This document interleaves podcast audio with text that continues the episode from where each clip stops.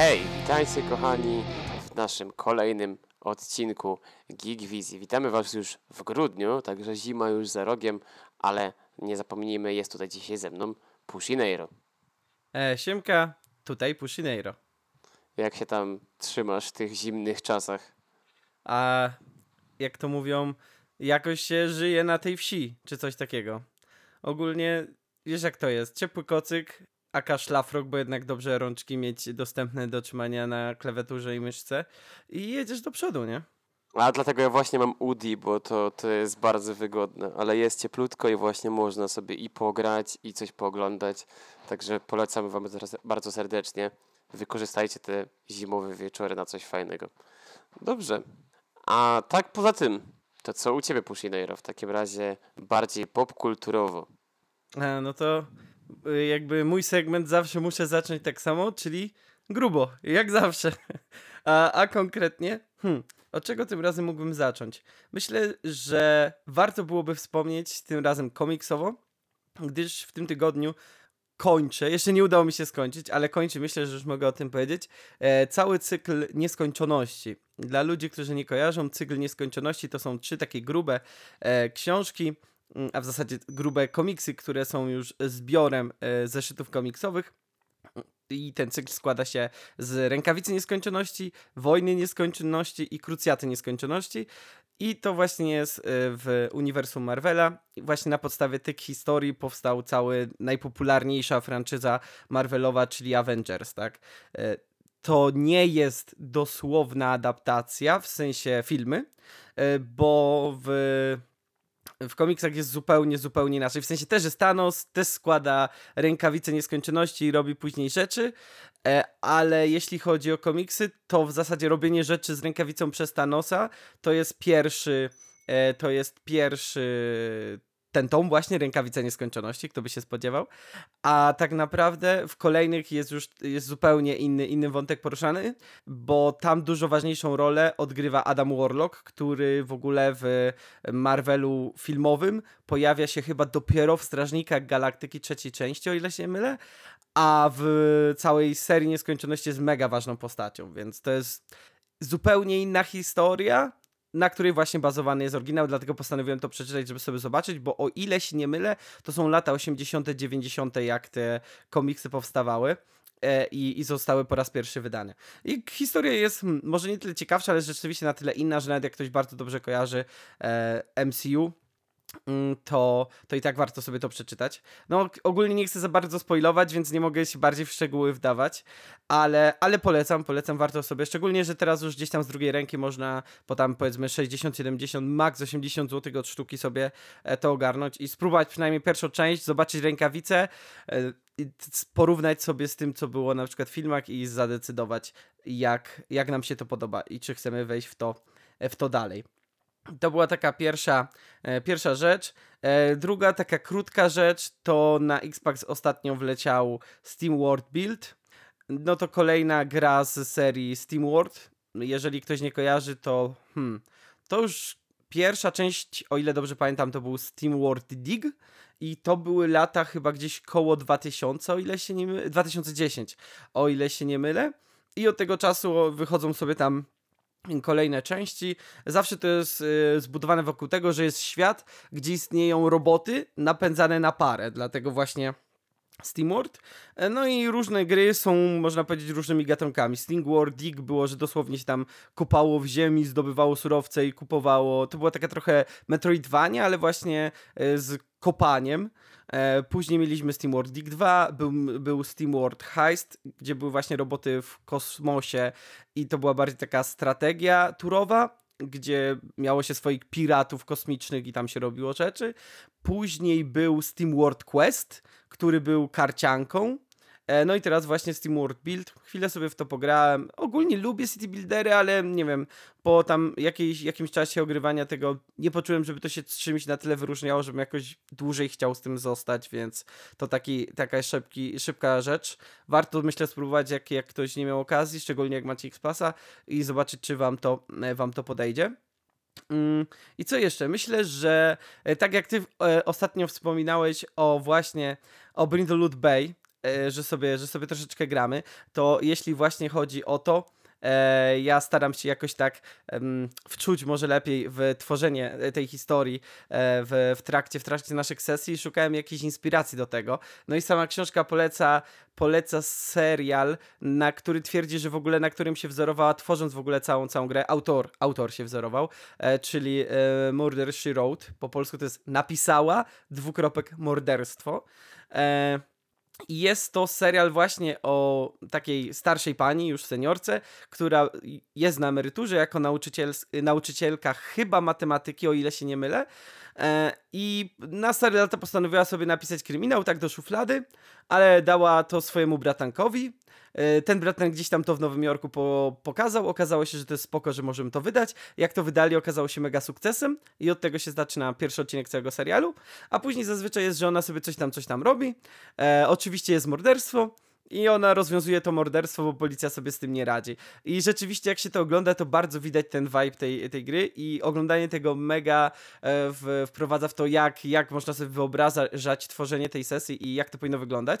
Ogólnie, no taki, można powiedzieć, właśnie ojciec Mateusz vibe, ale przez to, że to jest właśnie seniorka i, i więc jeszcze łatwiej sobie to na, zrzutować na to, jak, jak mogłaby sesja wyglądać. Dosłownie z każdego odcinka dałoby się zrobić, myślę, w tej mechanice Bring the Loot Bay sesję. Oczywiście Oczywiście tu nie ma tego Lovecraftowskiego nalotu mm, metagame, raczej e, no, me, całej metagry, ale, ale właśnie sama konstrukcja tych morderstw i to jak właśnie ona no, jest starszą kobietą, więc nie będzie walczyć i szczelać, ale e, wykorzystuje spryt na przykład, żeby sprawdzić jakichś swoich podejrzanych, żeby oni nie, się nie skapowali, że ona ich próbuje sprawdzić, no ale z drugiej strony ktoś się spostrzeże, że ona węszy, więc próbuje coś zrobić, nie wiem, tam próbując ze schodów zrzucić, więc widać te wszystkie miejsca jakby sobie tak ładnie rozłożyć, to można tak do tego podejść i zanalizować sobie, że tak naprawdę to jest sesja i gdzie graczowi się udało, gdzie miał krytyczny sukces, gdzie miał po prostu sukces, gdzie mu się nie udało i ma konsekwencje jeszcze. Bardzo dobrze się to w ten sposób analizuje. No i też jest ten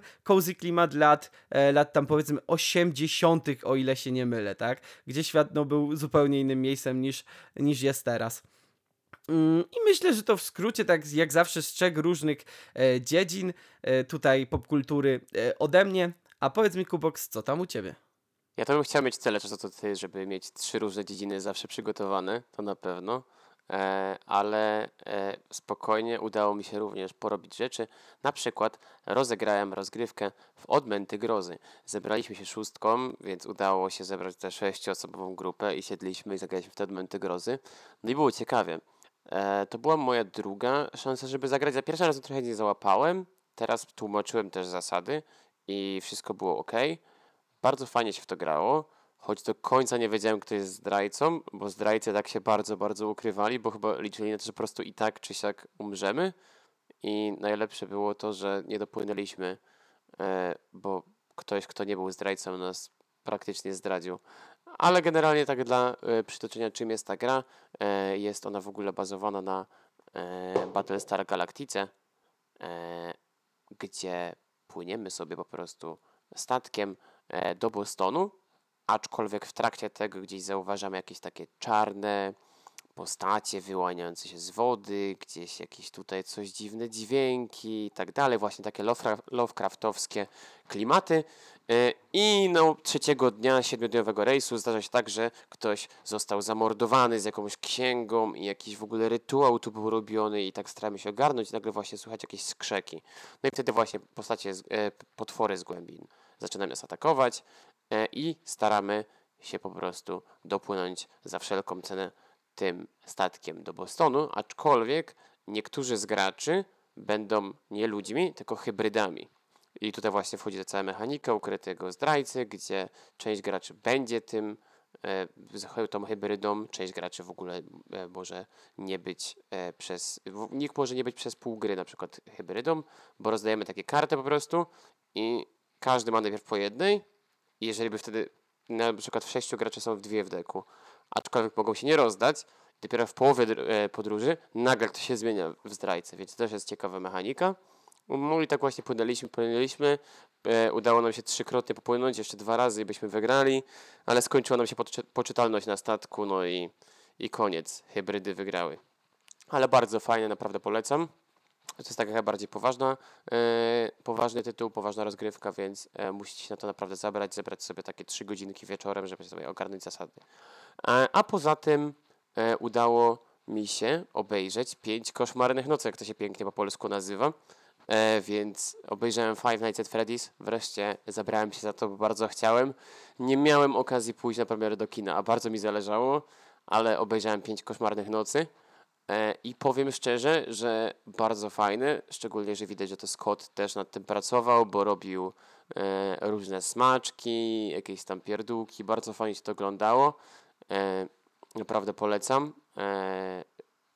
Czy był straszny? No, zdarzyło mi się podskoczyć, no bo to wiadomo, horror, zdarzyło mi się podskoczyć, aczkolwiek, no, niestety nie powiedział, że to był najstraszniejszy horror, aczkolwiek powiem szczerze, fabularnie fajnie się wgrywał, bo opowiadał gdzieś mniej więcej sytuację z pierwszych e, gier. I naprawdę te wszystkie rzeczy, które były w grze, były dość mocno zachowane i to się jakoś tam fajnie odnosiło. Chociaż jest jeden taki niuans, bo jest e, córka, e, czyli jest pani policjantka generalnie. E, pani policjantka jest e, o postacią, która nie do końca się w grze pojawia, a jeżeli jest tym, kim mogłoby być w grze, to to trochę się nie klei.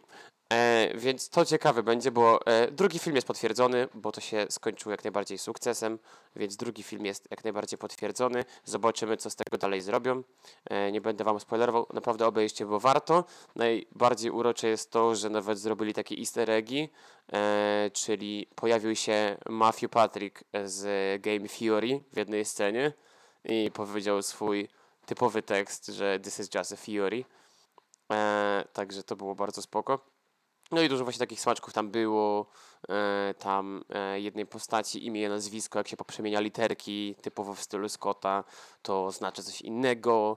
Dużo takich przekombinowań, e, czyli to, co gracze FNAFa lubili najbardziej. I fajnie, bo trochę to oddawało jednak, wróciło do tego vibe'u starych FNAFów, czyli tego, co ja strasznie lubiłem, bo ja za dzieciaka bardzo się wkręciłem w fabułę FNAFa, a teraz jak te kompletnie nowe wychodzą, to jestem niezainteresowany nimi w ogóle. Jak wychodził Security Bridge, ja to kompletnie olałem, jak to zobaczyłem, bo to wygląda po prostu mega dziecinnie i zmienili strasznie styl e, rozgrywki, styl rysowania tych postaci.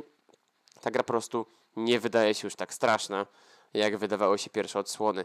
I film oddaje bardzo dobrze te pierwsze odsłony, czyli jest to jakaś tam naprawdę opuszczona e, pizzeria i widać to po animatronikach, widać to po prostu otoczeniu. Naprawdę fajnie było to zrobione. Polecam e, szczególnie fanom FNAFa, ale również jeżeli nie znacie fabuły FNAFa, to również będziecie się dobrze bawić, bo film jest jak najbardziej fajny, spójny i ma cała historia sens. Chociaż e, odkrywają sekrety, które nam zajęły chyba z cztery gry, żeby się domyślić, ale e, no, my potrzebowaliśmy czterech gier, żeby domyślić się pewnych faktów, a tutaj w pierwszym filmie oni od razu już mówią, że to jest fakt, więc to jest bardzo ciekawe. Tak. Więc to na tyle z mojej strony. No, to mnie szczególnie zainteresowało właśnie ten te odmęty grozy, które też gdzieś tutaj sobie stoją na półce, choć nie były jeszcze, nie były jeszcze grane, bo no samego Battlestara ciężko dostać, a akurat o ile jak najbardziej Lovecraftowskie tematy też do mnie przemawiają, to jednak w Battlestara bym mega chciał zagrać oryginalnego, gdyż jeżeli ktoś z was nie oglądał Battlestar Galactiki jako serial, to mega polecam. Jedno z najlepszych y, takich y, seriali sci-fi, jakie istnieją moim zdaniem. Mega ciekawy temat i wątek, ale to już nie teraz, żeby o tym rozmawiać. I przełożenie tego właśnie na grę w tym stylu jest, jest idealne, gdzie tam właśnie Cyloni byli wśród nas, nikt nie wiedział, kto jest tym Cylonem, więc tam to mega pasowało. No tutaj Lovecraft to mena publiczna, więc rozumiem, że łatwo było przyciągnąć więc, więc też, no też pasuje, ale to jednak, to jednak nie to samo. No dobrze, to, to nasze rzeczy w tym tygodniu, a teraz czas, jak to mówi klasyk, spojrzeć szerzej. Kubox, powiedz mi, jaki jest twój news tygodnia? No To moje newsy tygodnia ja nawet mam przygotowane dwa, e, bo jeden jest taki bardzo króciutki, e, jest typowo w moim stylu, tego zostawię na koniec, ale e, teraz odbył się e, PAX e, w Stanach Zjednoczonych i na PAXie e, Dicebreaker ogłaszał nagrodę właśnie za gry roku i tak dalej w kategoriach planszówkowych. No i przyjrzałem się temu i stwierdziłem, że Wam tutaj rzucę parę tytułów, e, które zwyciężyły, e, czyli na przykład w najlepszej e, trwającej grze karcianej wygrało Disney Lorcana, co mnie trochę zdziwiło, jak na to spojrzałem, bo Lorcana wyszła dosłownie w tym roku, to jest e, dosłownie e, karcianka, taka jak Magic i tak dalej, inne w tym stylu, która będzie wychodzić dalej, dalej, dalej, ale jest po prostu na Disneyu.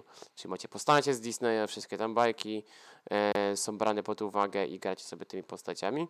No i właśnie zdziwiło mnie to, że Lorcana wygrało właśnie z Magiciem, z Pokémon Trading Card Game'em, no ale cóż, tak zostało wybrane. W Best, w najlepszym RPG-u wygrało Women are Werewolves. Przyjrzałem się temu. Ciekawy koncept, e, gdzie właśnie jest e, e poruszane nawet e, właśnie bycie non-binary i tak dalej. Ciekawy koncept, jest tam są, e, jest fantazy, bo oczywiście są e, wilkołaki, część postaci się w nich będzie zamieniać, część nie. Ciekawe to wygląda, jest na kartach w ogóle ten, ten RPG. Najlepszym e, najlepszą grą planszową i o tym rozmawialiśmy przez chwilę z Puszynem, jest SkyTeam, co nas zdziwiło, bo jest to gra dwuosobowa, aczkolwiek tutaj wygrała. E, I e, wybór ludzi to było Fabula Ultima, e, którego, e, który jest też RPG, więc tak tutaj e, to się rozłożyło. Polecam się zapoznać, jest całe, całe nagranie z Paxa, bo Pax, tak jak to jest jedno z ważniejszych właśnie takich wydarzeń planszówkowych, dlatego tam to ogłaszali. E, a drugim moim newsem, takim króciuteczkiem news, jest to, że e, w, pokazał się trailer do Oshinoko sezonu drugiego. I Oshinoko, jak wyszło teraz wiosną, jeżeli się nie mylę, no to wybuchło. Wiosną albo latem w tym sezonie to wybuchł cały internet.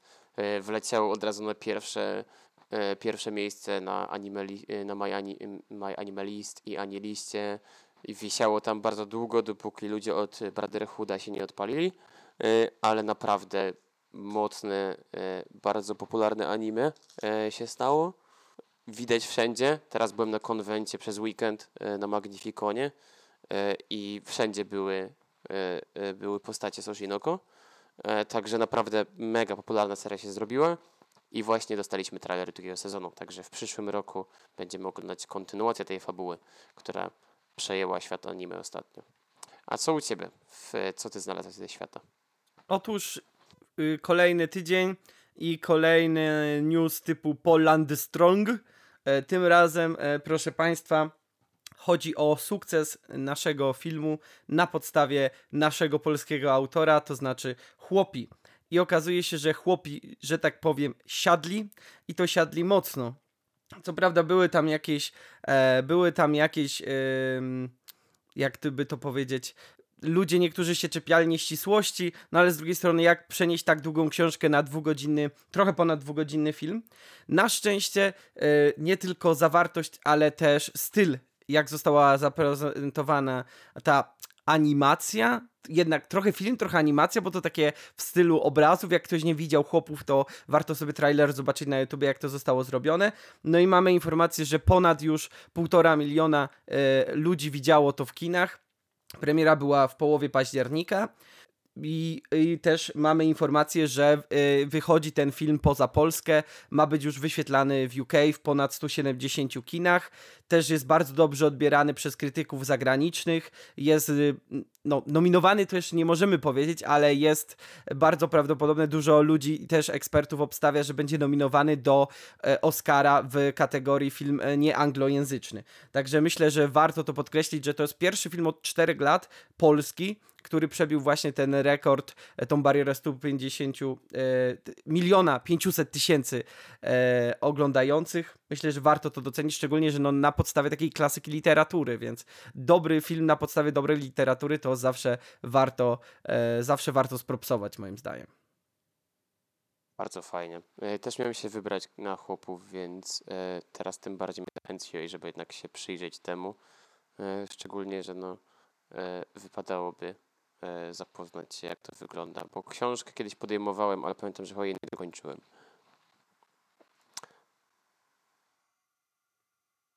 Dobrze, więc przejdźmy w takim razie do naszego pięknego, mięska odcinka, czyli przechodzimy do tematu głównego, którym w tym odcinku jest empatia, a odbiór dzieła, czyli dlaczego jeden płacze, a drugi się śmieje.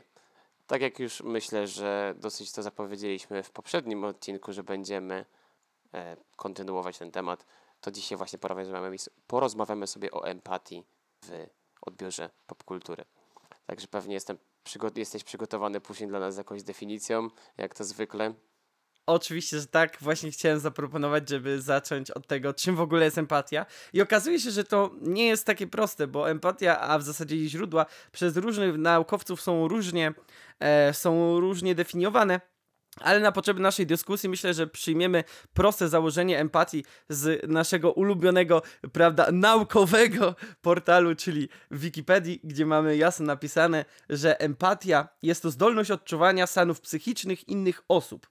Myślę, że taka skrótowa definicja a, albo w zasadzie umiejętność przyjęcia ich sposobu myślenia, spojrzenia z ich perspektywy na rzeczywistość. To jest e, empatia poznawcza. I myślę, że to jest też ważne, że mamy właśnie empatię poznawczą, czyli właśnie tą umiejętność przyjęcia ich sposobu myślenia, spojrzenia z ich perspektywy na rzeczywistość, a i empatię emocjonalną, czyli zdolność odczuwania stanów psychicznych innych osób. Myślę, że do tego będziemy często wracać, bo to rozróżnienie będzie nam istotne w tym, co będziemy, e, co będziemy tutaj chcieli poruszyć, tak?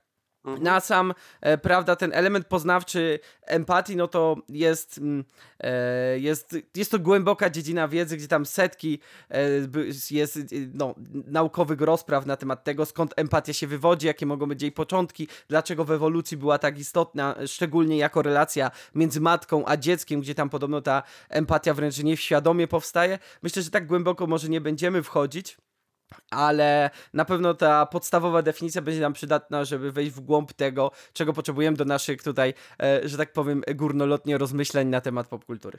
Tak, ja myślę, że nie jesteśmy aż tak e, zaawansowani, aby wchodzić aż tak głęboko w ten temat, ale zdecydowanie na poziomie popkultury myślę, że jesteśmy wystarczająco wykwalifikowani. Szczególnie ja, bo ja to płaczę cały czas na wszystkim, więc to jest po prostu idealnie. Wiesz, to, że jesteś empatą, to nie znaczy, że się znasz na empatii, nie chcę cię martwić. To też może być prawda, aczkolwiek e, mogę podzielić się, bardziej chodziło mi to, że jestem wykwalifikowany, żeby podzielić się tym, dlaczego ja odbieram to, jak odbieram. Nie do końca może to się równać z tym, że wiem, czemu tak się dzieje, ale będzie to pewnie przydatne dla Ciebie na przykład do zanalizowania, jako osoby, która nie do końca płacze na serialach. Czy to kiedyś płakałeś w ogóle na jakimś filmie albo jakimś czymkolwiek e, popkulturowym? E... To jest ciekawe pytanie, myślę, na start. Hmm. Jakbym się tak zastanowił, to zdarzało mi się, ale to chyba musiał być też, sam musiałbym mieć odpowiedni stan emocjonalny, nie tyle płakać, co czułem, że coś czuję. Czujesz, tak, wiesz, że takie... coś czujesz. Tak, takie wewnętrzne, że wiesz, że. Mm, że jakby jeszcze, nie wiem, skombowały się może te uczucia, to nie wiem, yy, żeby rzeczywiście mi jakaś łezka poszła, czy coś takiego. No tak per se płakać nigdy nie miałem okazji yy, i nigdy ten, nigdy nie miałem, nie, nie, nie zgrały mi się tak emocje, czy coś, żebym, żebym miał taką sytuację. Ale parę razy zdarzyło mi się, że jakby, że jakby, hmm, właśnie, że coś poczułem. Ciężko mi to określić, ale wiesz, to jest ten moment, że czujesz jakby takie mrowienie, ale nie na przykład ze strachu, tylko że tu się mhm. coś dzieje na tym ekranie i może powinienem jakoś emocjonalnie na to zareagować. Oj tak, wiem, jakby wiem, znam to uczucie bardzo, jak po prostu czuję to w ciele, że mój organizm po prostu reaguje na to, co się właśnie dzieje na ekranie, czy w książce, czy tak dalej. Nawet teraz właśnie, nie mówię o tym, a, bo jeszcze nie skończyłem, ale zacząłem czytać tą książkę i już po prostu widzę, jak to się dzieje, mam takie co? Halo? I, I, po prostu wchodzi masa emocji, a tak naprawdę nic się nie dzieje. Siedzę sobie ja w cichym pokoju i czytam książkę i po prostu przeżywam, że, że nie wiem, coś się dzieje postacią, więc e, no jest coś takiego, że to sobie twój organizm gdzieś tam wysyła ci sygnały, że halo, coś się powinno dziać, no. Właśnie, jeżeli mówimy o empatii, to ostatnio właśnie taki artykuł e, widziałem, e, który właśnie analizował e, właśnie to odczuwanie organizmu, że, że, że nie tylko przez oczy jakby odczuwamy tą empatię, tylko że te reakcje organizmu też są istotne w przypadku właśnie odczuwania tych innych emocji, nie? To już taki trochę off-top, który wynikał z tego mojego researchu na ten temat, ale to właśnie ciekawe, bo pasuje do tego, o czym mówisz. Mhm. No to jest mega. E, no ja w ogóle uważam, że jakby ciężko jest mi się postawić właśnie po tej drugiej stronie, jak w ogóle ludzie mogą odbierać te bez empatii, e, będąc osobą, która w 100% wchodzi emocjonalnie w każde, cokolwiek by to nie było, książka, film, gra, to ja 100% serduszka tam wkładam, więc jestem bardzo ciekawy, żeby też właśnie dzisiaj posłuchać tej drugiej strony argumentu, że ja tu przeżywam, płaczę, mam depresję przez, y, przez tydzień po zakończeniu jakiejś serii i leżę i mam takie, co robić z życiem, a ty masz takie, o, ale to było fajne, obejrzyjmy coś fajnego innego. I dlatego, I dlatego idealnie tu przychodzi kolejna część definicji z Wikipedii, bo ona dzisiaj będzie jeszcze wracać. Czyli tutaj mamy pięknie mm, napisane, że osoba nieposiadająca tej umiejętności, czytaj empatii, jest ślepa emocjonalnie i nie potrafi oceniać ani dostrzegać stanów emocjonalnych innych ludzi. No i nie, nie nazwałbym się ślepym, jeśli chodzi o empatię, jakby ja jestem w stanie dostrzegać y, stany emocjonalne innych ludzi, więc to nie o to chodzi, nie jestem ten, ale po prostu tutaj mamy ten efekt skali, gdzie myślę, że Kuboksa można byłoby y, z, zaklasyfikować do tej drugiej strony, która jest tu dalej opisywana, czyli silna empatia objawia się innymi uczuciem bólu, wtedy gdy przyglądamy się cierpieniu innej osoby, zdolnością współodczuwania i wczuwania się w perspektywę widzenia świata innych osobników. Mhm, no myślę, że tak można było powiedzieć, bo no ewidentnie coś się dzieje, po prostu to przeżywam w 100% i e, nie wiem, jest jakiś dylemat na przykład, które postacie muszą podjąć, to też go przeżywam takie i wiem, że oba wybory są ciężkie i trzeba któreś podjąć i potem przeżywam jego konsekwencje na przykład. E, no to, to, to jest tak, ale to ciężko powiedzieć, że ktoś, znaczy Trochę się zgodzę, bo może tak być, ale na pewno nie jest tak we wszystkich przypadkach. Bo na przykład ty może nie przeżywasz tego tak bardzo, ale jesteś w stanie zrozumieć, co te postacie odczuwają w jakimś stopniu, wydaje mi się. No możesz ty nam powiedzieć. No dlatego tym. mówię, że ja nie jestem y, ślepy, tak jak tu jest pięknie powiedziane, emocjonalnie, tylko uważam, że moja empatia z racji też na mój taki y, analityczny sposób bycia y, jest jest y, na dużo niższym poziomie, tak? Jeżeli u Ciebie powiedzmy jest na tym 100%, to ja myślę, że jestem gdzieś poniżej 50% powiedzmy, tak? Mm. Czyli mhm. jestem w stanie stwierdzić, e, no, jakie emocje wyraża, wyraża twarz tej osoby, czy co ona w tym momencie czuje na podstawie e, jej historii, czy tego, co zostało przedstawione, nie? Ale nie mam czegoś takiego, że... Wiesz, to jeszcze inny, inna sprawa, jak odbieramy popkulturę, a inaczej jak odbieramy w życiu codziennym, bo myślę, że w życiu codziennym moja empatia jest na trochę wyższym poziomie, tak? Jakbyś teraz obok mnie stanął i by ci się coś działo, i byś mi zaczął płakać, no to myślę, że bym e, zupełnie inaczej to odbierał, inaczej bym zareagował też. E, empatia by była na wyższym poziomie, ale e, po prostu tu jeszcze dochodzi imersja, tak? Że. Mm, jakby imersję też odbieram na innym poziomie, to znaczy jak mamy imersję tu w grze może łatwiej pokazać, że odbieram bardziej, że nie tyle, że jestem tą postacią, tylko że jestem w pewnym uniwersum, tak, w jakimś przygotowanym e, konstrukcie, tak, świecie czy e, sytuacji, tak, i bardziej bardziej w ten sposób odczuwam imersję, niż w przypadku tak jak obstawiam ty, gdzie ty jakby zdejmujesz tą warstwę, e, może na powiedzieć, że przebijasz tą czwartą ścianę, ale w drugą stronę, tak? Że ja czuję imersję, ale wiem, że to jest tylko serial, gra, wiem, że to są aktorzy, wiem, że ktoś to zaprojektował, to nie istnieje, tak? E, więc to jest taka imersja troszeczkę inna, myślę, że nawet nie taka per se, bo jednak per se to w teorii jest to zatracenie się w tym świecie, tak? A mm, tutaj ty mówisz o tym, że ty się wczuwasz, jakby to rzeczywiście miało miejsce i odczuwasz yy, te, te postaci, czy tych aktorów, jakby rzeczywiście ta sytuacja się teraz działa i ona była istotna. A, ja patrzę z tej drugiej strony, gdzie to zupełnie nie jest, e, nie jest istotne, bo to się nigdy nie wydarzyło, albo się wydarzyło tylko, że to jest nagrane po prostu w sensie, że to jest jakiś tam e, serial dokumentalny czy film, tak? E, więc nie potrzebuje, mój mózg jakby nie aktywuje tego, że to są prawdziwe problemy, tylko to jest bardziej taka, e, taka właśnie symulacja czy ciekawostka, którą można e, rozłożyć na te jakieś tam czynniki pojedyncze. Chociaż inna sprawa, że jeżeli to byłaby nawet prawdziwa sytuacja, to i tak pewnie dążyłbym gdzieś tam do e, takiego, wiesz, rozłożenia tego problemu i zastanowienia się nad tym, jak sobie z tym możemy poradzić, niż to, że popłaczmy sobie razem, nie? No ale to jeszcze podchodzimy do tego, jak w ogóle e, podchodzimy życiowo do różnych sytuacji, więc to też mhm. troszeczkę inne. Ten, ale na pewno ma przełożenie na odbiór popkultury. No tak, a to jest właśnie ciekawe, że e, trzeba się przebić przez to, że to jest fikcja. I jakby ja też jestem w 100% tak świadomy, że to jest fikcja i to na przykład nie stało się naprawdę, a mimo wszystko potem jest tak, że siedzę cały zapłakany i muszę zrobić godzinną przerwę w Attack on Titan, bo nie dam rady dalej, bo wiem, że będzie zaraz ważny odcinek fabularnie i ja nie zrozumiem, bo będę przytłoczony emocjami, które na przykład mi teraz towarzyszą po tym, co wiedziałem przed chwilą. Tu kto widział, to mówię o trzecim sezonie, e, parcie drugim, e, to tam, tam się takie rzeczy działy. No ale to jest właśnie ciekawe, bo ja, ja też w 100% jestem świadomy, że to jest fikcja, to nie ma miejsca, a mimo wszystko nie potrafię do tego podejść tak lekko, że jakby w 100% oddaję to całe serduszko. E, ale wiesz, to nie chodzi mi o to, że nie jesteś świadomy, bo jeśli byś nie był świadomy, to byś znaczyło, że masz jakieś problemy psychiczne, że nie jesteś w stanie e, fikcji od, e, od rzeczywistości odróżnić, no tylko tak. bardziej chodzi mi tutaj o to, że jesteś w stanie właśnie wyjść ponad to, i jakby porzucić tą barierę, żeby jednak móc się wczuć, tak? Ja tu mówię bardziej o tym, że jakby to powiedzieć, e, nie, może, może już nawet czysto biologicznie czy psychologicznie nie czuję sensu współodczuwania tych emocji, bo wiem, że to jest zmarnowanie po prostu mojego, nie wiem, e, mojej siły, czy tam wręcz czasu w twoim przypadku, że mnie musiałbym odreagowywać później, albo czemu ja mam się teraz gorzej czuć, jak wiesz, jak to w ogóle dla mnie nie jest istotne, nie? Jakby może, nie wiem, może to też ma jakieś znaczenie. Właśnie to też jest ciekawe, czy na przykład... Yy no to w sumie też jest ciekawe, czy na przykład introwertycy, ekstrawertycy odczuwaliby to wtedy inaczej, czy to też miałby jakiś wpływ, e, że... W sensie, czy introwertycy slash ekstrawertycy inaczej odczuwają,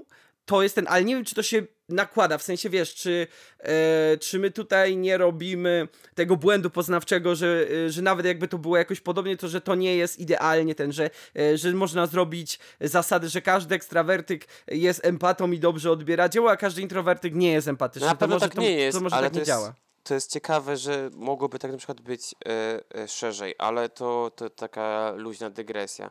No na pewno e, ja uważam, że mi to dużo dodaje E, do odbioru e, tych mediów, bo zdecydowanie e, mogę przeżyć historię bardziej, trochę czuję, że więcej od niej dostaję i naprawdę jest jakąś tam istotniejszą częścią życia, nie po prostu, a dobra, kolejna książka, którą przeczytałem, tak?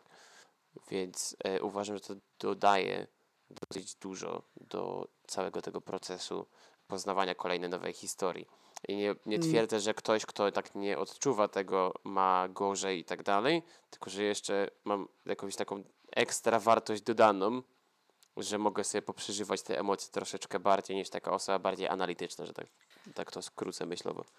Tak jak dla mnie to, to są dwa aspekty, które chciałbym poruszyć. Po pierwsze, dobrze, że na sam koniec się poprawiłeś, bo e, trochę bym się uraził za to, że mówisz, że przez to, że nie odczuwam emocji, to jakoś gorzej odbieram dzieła, bo e, ja też jakby mam książki, czy seriale, czy filmy, no choćby ten Battlestar, o którym rozmawialiśmy przed chwilą, e, że po obejrzeniu ich czuję, że tam jest coś świetnego, w sensie, wiesz, nie chodzi o mi o emocje, ale na przykład weźmy mhm. tego Battlestara, bo akurat mam go w głowie, że tam jest świetnie pokazana pokazany przykład tego, że żyjemy w społeczeństwie, które jest zagrożone, może wyginąć i są właśnie tam ci cyloni, e, którzy E, którzy wyglądają jak ludzie, nie da się ich odróżnić praktycznie od ludzi, ale nie są ludźmi i chcą nam zagrozić. I e, tam jest idealnie od, pokazany ten schemat tego, jak społeczeństwo żyje w osaczeniu, każdy zaczyna każdego podejrzewać i to da się świetnie narzucać na to, na przykład jak w Stanach była paranoja wręcz, że każdy może być e, uśpionym szpionem rosyjskim. Więc to jest na przykład, ja, ja w ten sposób na przykład na to patrzę. To jest świetny przykład, który pokazuje coś tam, nie? Albo, że to jest tak dobrze oddane, że aż e, każdy kolejny odcinek oglądasz, bo jesteś ciekawy, co tam się wydarzy, nie? Więc ja też mam emocje, te, te, to jest to, o czym mówię, że e, ja może nie empatyzuję z postaciami i tak dalej, ale ja mam emocje zbudowane w oku. Jak jestem właśnie osobą, która bardzo dużo z racji na to, jak właśnie o czym rozmawialiśmy ostatnio, spożywa popkultury e, i w jaki sposób, to często mam tak, że po jakimś czasie już zupełnie już nie pamiętam, chociaż tak jak mówię, Battlestar jest moim tam jednym z ulubionych seriali sci-fi, nie? Ale jakbyś mnie spytał o imiona, to połowy imion pewnie już nie, nie pamiętam. No, Gajusa Baltara kojarzy, bo to jedna z najlepiej napisanych postaci ever, jeśli o mnie chodzi, więc Gajusa Baltara kojarzę. Kto oglądał Battlestara, to wie o co mi chodzi. E, ale tak jak ten, to już ten, to już jak ten admirał się nazywał, chyba Dodona, ale, ale nie zdziwiłbym się, jakbym się pomylił, nie? To już nie pamiętam, jakby, jeśli chodzi o historię, to jakieś główne ploty, które właśnie we mnie wywarły jakieś emocje, tak? Ale to były emocje wywarte na mnie, to, to nie była empatia, że ja coś współodczułem, tylko ja odczułem jakieś emocje związane z tym, że wow, coś się takiego super wydarzyło, nie? No i tak samo jakbym teraz się cofał do tego serialu, to głównie jestem sobie w stanie właśnie przypomnieć jakieś emocje z tym związane z oglądaniem tego, ale to nie są w żadnym wypadku emocje oparte na empatii, czyli na współodczuwaniu czegoś, co czuli bohaterowie tego serialu, nie? Mhm, no rozumiem. No to, to, to, to jest dokładnie to, co nie o to mi chodziło, że ja uważam, że mam trochę wartość dodaną, bo tak jak mówię, no ty też poznałeś e, zdecydowanie pewnie więcej e, tych źródeł popkultury niż ja. No i na pewno masz wtedy szersze pole widzenia i fajnie jest do takiego podejść, ale ja sobie to cenię bardzo, że podchodzę do tego 100% emocjonalnie, bo ja właśnie mam ten taki bonusik, który ja bardzo lubię, czyli te emocje naprawdę e, towarzyszą temu wszystkiemu e, i, i, o to, i o to mi chodzi.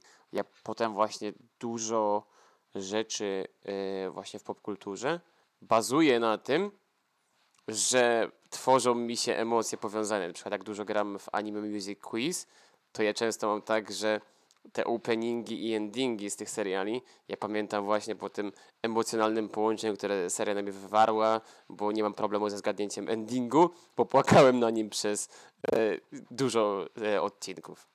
Dobra, bo trzy wątki, trzy wątki. No tak. E, i, I nie zapisałem sobie. Tak, po pierwsze, teraz to, co powiedziałeś, to jest to, o czym ja mówiłem i to nie jest empatia. Bo to, że tobie się łączą emocje z endingiem i z openingiem, to nie jest empatia. Bo ending, nie możesz mi odczuwać jakby, wiesz, e, ten tylko kojarzy, łączą znaczy... ci się emocje, które odczuwałeś właśnie ten, więc to nie jest empatia. To po pierwsze. Tak.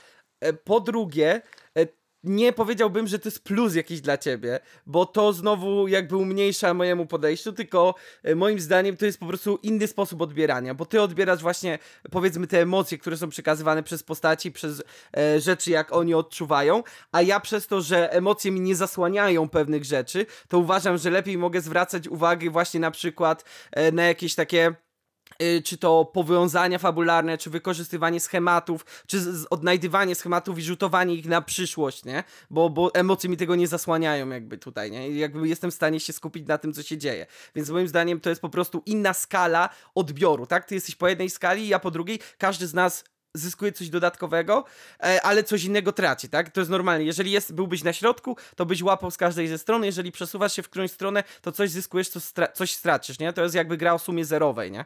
E, I ostatnia, trzecia rzecz, bo tu jeszcze taki, e, taki aspekt tego, co, o czym troszeczkę wcześniej rozmawialiśmy, ale mi uciekło troszeczkę, czyli jak mówić właśnie o ekstrawertykach, o introwertykach, e, jak mówiliśmy właśnie o tym bardziej empatycznym, mniej empatycznym, to też ciekawe jest na to, czy na przykład, no tutaj nie możemy za bardzo powiedzieć ze swojego doświadczenia, czy ko jak kobiety odbierają to jeszcze, bo często jest na przykład w tych, w reklamach, e, w tym jak się, to media społecznościowe do tego często piją, e, że najczęściej właśnie, wiesz, my potrzebujemy tego ruchu, tak, czyli tam komentarzy, reakcji, coś tam, coś tam. I że statystycznie, tak, statystycznie kobiety częściej właśnie chcą emocjonalnie się jakoś udzielać, więc to było jeszcze ciekawe jakby z tej strony spojrzeć, jak, jaki to ma wpływ właśnie na odbiór popkultury. A to jest ciekawe, bo myślę, że to nawet miało miejsce ostatnio, E, że to się z tym w 100% zgodzę, że mi to emocjonalne podejście zasłania dość sporo, bo przez to, że ja w 100% emocjonalnie podchodzę, e, stawiam się w miejscu tych postaci, przeżywam to, co one e, tak samo często mocno jak te postacie, to mi umykają potem jakieś właśnie takie szczególiki i to chyba właśnie było widać, że ja powiedziałem od razu, że wow, Heavy Rain był dla mnie tak mega super mocny i tak dalej. I ja nigdy w życiu nie zauważyłem jakichś tam nieścisłości fabularnych, a ty wyciągnąłeś znowu, że ej, ale coś mi się tutaj nie skleiło, gdzie ja tego w ogóle nie miałem prawa zauważyć. I chyba to jest ten twój ulubiony argument, co kiedyś chciałeś zawsze powiedzieć, że Telltale podobno nie ma wyborów. I ja nigdy się w to nie zagłębiłem, że gry od Telltale nie mają wyborów, w sensie, że wybory nie mają znaczenia. To nie, że nie mają wyborów, ale że wybory, nieważne co zrobisz, i tak gdzieś mniej więcej dojdziesz do tego samego, gdzie się w tym 100% nie zgodziłem, ale teraz e, widzę, że to mogło być spowodowane tym, że ja i tak przeżyłem tą fabułę i dla mnie każdy, nawet najmniejszy głupkowaty wybór ma dużo znaczenia do tego, jak ja podchodzę do całej historii i nawet jeżeli on konsekwencjami by prowadził tego samego, co byłoby bardzo ciekawą puentą do, e, do Attack on Titan, ale to, to taka dygresja losowa. Jeżeli by każdy wybór prowadził do tego samego, to mm, wydaje mi się, że i tak ja bym chciał podejmować te wybory wciąż tak samo, z taką samą wagą, ale widzę dlaczego na przykład dla ciebie jako osoby, która bardziej analitycznie podchodzi do tego, masz takie, ale te moje wybory nic nie zmieniają, bo to jest ta sama fabuła, więc to jest w sobie bardzo ciekawe. No tak, to jest właśnie o to, o czym mówimy. To jest case, dlaczego visual novele często nie są moim targetem i mnie często denerwują, e, bo parę razy próbowałem sobie tak, wiesz, przeklikać jakąś i później przeklikać troszeczkę inaczej. To jest... E, to, I to mnie strasznie denerwuje. Ja wiem, że to w teorii jest jakiś wybór, ale w, e, w tej tailu dlatego twierdzę, że to są gry, które dają ci pseudo wybór tak naprawdę, bo jeżeli byś sobie zrobił linię czasu i rozrysował wybory, to byś miał, że tak powiem, falę. To znaczy, że masz linię, później ta linia rozbija się, ale koniec końców i tak się schodzi. No bo w teorii to musi tak wyglądać, żeby obciąć budżet i żeby dało się to spiąć, ale to znaczy, że ja teraz komuś coś powiedziałem, coś komuś powiedziałem, tu powiedziałem mu coś innego, a koniec końców to się spina i tak będzie działo się to samo i będzie kolejny wybór i to się znów rozepnie. No i okej, okay, czasami te wybory na tej rozpiętej linii się jeszcze troszeczkę rozepną i to drzewo się troszeczkę rozbuduje, ale koniec końców to i tak się gdzieś złączy, nie? Okay, e, no i to nie znaczy to, że to jest złe, nie? Bo w większości gier tak to działa, bo nie da się tego zrobić inaczej, nie? Tylko, że Telltale ci próbuje wmówić, że ty masz te wybory, jeszcze ci wyświetla te chamskie y, ta postać zapamięta to, co później tak zazwyczaj albo nie ma znaczenia, albo ma takie znaczenie, że powie ci jedno zdanie inaczej. To jakby to nic nie zmienia tak naprawdę. Ale ta postać to zapamięta, pamiętajcie. No, dokładnie. Jak Kubok zapamięta to. Jak wyślecie mi spoiler, to ja zapamiętam go do końca życia. Nie wysyłajcie mi spoilerów. No, ale to, to ciekawe jest właśnie, że w sumie mi się wydaje, że to zawsze gdzieś tam dla mnie, mówię tak personalnie, nie uważam, że jeden sposób jest lepszy od, od drugiego, ale dla mnie wydawało mi się, że to jest plus, a potem patrzę, że muszę wrócić i jak już się ochłonę emocjonalnie, to dopiero wtedy mogę jakoś analitycznie podejść do tego dzieła i zobaczyć jakieś tam błędy, których kompletnie nie widziałem, albo coś, co się w ogóle nie spinało bo tak często bywało, że musiałem się wrócić do jakiegoś, e, jakiegoś dzieła, żeby gdzieś się z tym zapoznać. No, no tak, tak. Myślę, że to jest, myślę, że to jest właśnie jeden, jeden z tych aspektów, gdzie e, no właśnie to jest ta, ta skala odbioru, nie? Że tutaj masz, e, tutaj masz ten odbiór taki bardziej emocjonalny, który pozwala ci się wczuć postaci i tak dalej, i tak dalej. A tutaj masz tą skalę, gdzie bardziej się skupiasz na tym, jak to wszystko jest skonstruowane, tak? Od poziomu tej, e, tej tej konstrukcji, czy to świata, czy postaci, czy jaki tutaj zabieg został zastosowany, e, czy, no nie wiem, choćby jak scenografia została stworzona, nie? Jakby ja zdarza mi się bardzo dziwne rozmyślania mieć w trakcie, jakby, no, o, teraz to jest bardzo dobry przykład, bo to jest przykład, gdzie oglądam specjalnie coś, żeby z no bo tak powiedzmy, zazwyczaj oglądam dla fabuły, powiedzmy. Tak w 90% przynajmniej, nie? Ale akurat, e, akurat powiedzmy teraz serial, który specjalnie oglądam nie dla fabuły, to jest właśnie to, o czym mówiłem na początku, czyli Murder She Wrote, czyli napisała morders, napisała morderstwo, to jest istotne. e, to ten, to to jest właśnie serial, który oglądam dla schematu, tak? Ja poszukuję, specjalnie siadam, jakby zupełnie mnie nie obchodzi, co tam. Dobra, nie obchodzi mnie, co tam się dzieje, ale y, co te postacie odczuwają i tak dalej, i tak dalej, tylko rozbieram to na party, jakby z tego wyglądała sesja o tym, że gracze są babciami rozwiązują morderstwo, że tak, okej. Okay. E, tutaj główna bohaterka zmieniła lokację, porozmawiała z podejrzanym. Ok. Tutaj dowiaduje się o tym, że kogoś zabili. Ok. Tutaj mamy przedstawionych trzech podejrzanych e, i każdy z nich na przykład ma alibi, ale tak naprawdę jeden z nich ma fejkowe alibi. Tutaj na przykład mamy jednego, który staje się głównym podejrzanym, ale tak naprawdę wcale e, nie jest mordercą. Nie? Tutaj mamy jakiś w teorii nieistotny aspekt rzucony tak bokiem, ale jak zwrócisz na to uwagę, to to później wraca i okazuje się, że było mega istotne. I tak krok po kroku przechodzę przez cały serial, nie? To jest też case tego, nie wiem, czy może to jest y, trochę empatyzowania z mojej strony jednak, albo... Mm, albo, albo właśnie tę chęć rozbioru, to już mówię nie tylko o tym konkretnym serialu, ale, serialu, ale ogólnie, czyli zdarza mi się, obstawiam, no ty mówiłeś o tym, że ci się zdarza, więc to nie jest pytanie, ale możesz później do tego nawiązać, że zdarza mi się w trakcie serialu tak oglądam, oglądam, oglądam, oglądam i nagle tak zatrzymuję. I się zastanawiam, co się właśnie wydarzyło, jakby dlaczego, dlaczego tak się stało, ja, jakie to miało sens, nie? Y, Co ja bym zrobił na miejscu tej postaci, nie? I takie, że, że nie mogę, muszę przerwać, muszę zatrzymać, ale nie tak, że potrzebuję się uspokoić, tylko że chcę na spokojnie to zanalizować, a wiem, że jakby to poszło dalej, to bym znów tu mógł stracić coś w tym, co się dalej dzieje. Muszę zrobić stop e, i zastanowić się, co się tutaj właściwie wydarzyło, nie? Ja mam tak, że ja potrafię zapauzować, ale z troszkę innych powodów, w stylu, no, e, miałem takie, co, co się stało i jest po prostu jakaś burza emocji i jestem po prostu w giga szoku i muszę przeanalizować, że ale jakby, dlaczego, że co, że to jest w ogóle nierealne? I wtedy sobie chodzę po pokoju i krzyczę i przeżywam i potem wracam dopiero. E, To bardziej do tego właśnie, żeby się uspokoić, u mnie to wynika, niż żeby, żeby coś takiego bardziej, że przeanalizować, że dlaczego on tak zrobił i tak dalej. Tylko mam takie, że nie wierzę, że wow, że co, że no, to, to, to, to z tego bardziej, że aż nie dowierzam, że to właśnie miało miejsce, albo właśnie jak jest jakiś duży plot twist i się go kompletnie nie spodziewałem, to mam takie yo, przecież to jest w ogóle jakieś nienormalne i jest taka chwila eksplozji mózgu i nagle mi wszystko klika i przeżywam wtedy jeszcze bardziej i, i nagle, no dlatego właśnie Attack on Titan mi się podoba, bo on miał dużo takich momentów, gdzie właśnie tych momentów pokazujemy ci coś, zobacz sobie co się stało, z czego, co z tego wyniknęło, była masa i to są takie mega emocjonalne momenty, kiedy nagle właśnie, nie wiem, po czterech sezonach dowiadujecie się jakichś informacji i ono zmienia kompletnie patrzenie na to, co było cztery sezony temu. To ta, takie momenty uwielbiam i tam często mi się zdarza spauzować, ale to właśnie trzeba się albo wypłakać, albo sobie przeżyć. E, Czy ja pomiędzy odcinkami czasem sobie robię przerwy, bo po prostu mam tak za dużo emocji, trzeba wychillować przez chwilkę, wypłakać się i potem można kontynuować. Szczególnie, że na przykład wiem, że będzie jakaś ważna, ważny, istotny wątek, taki, który trzeba zrozumieć w 100%, e, a ten emocjonalny mnie e, wytargał po ziemi, wyrzucił przez okno i tak dalej.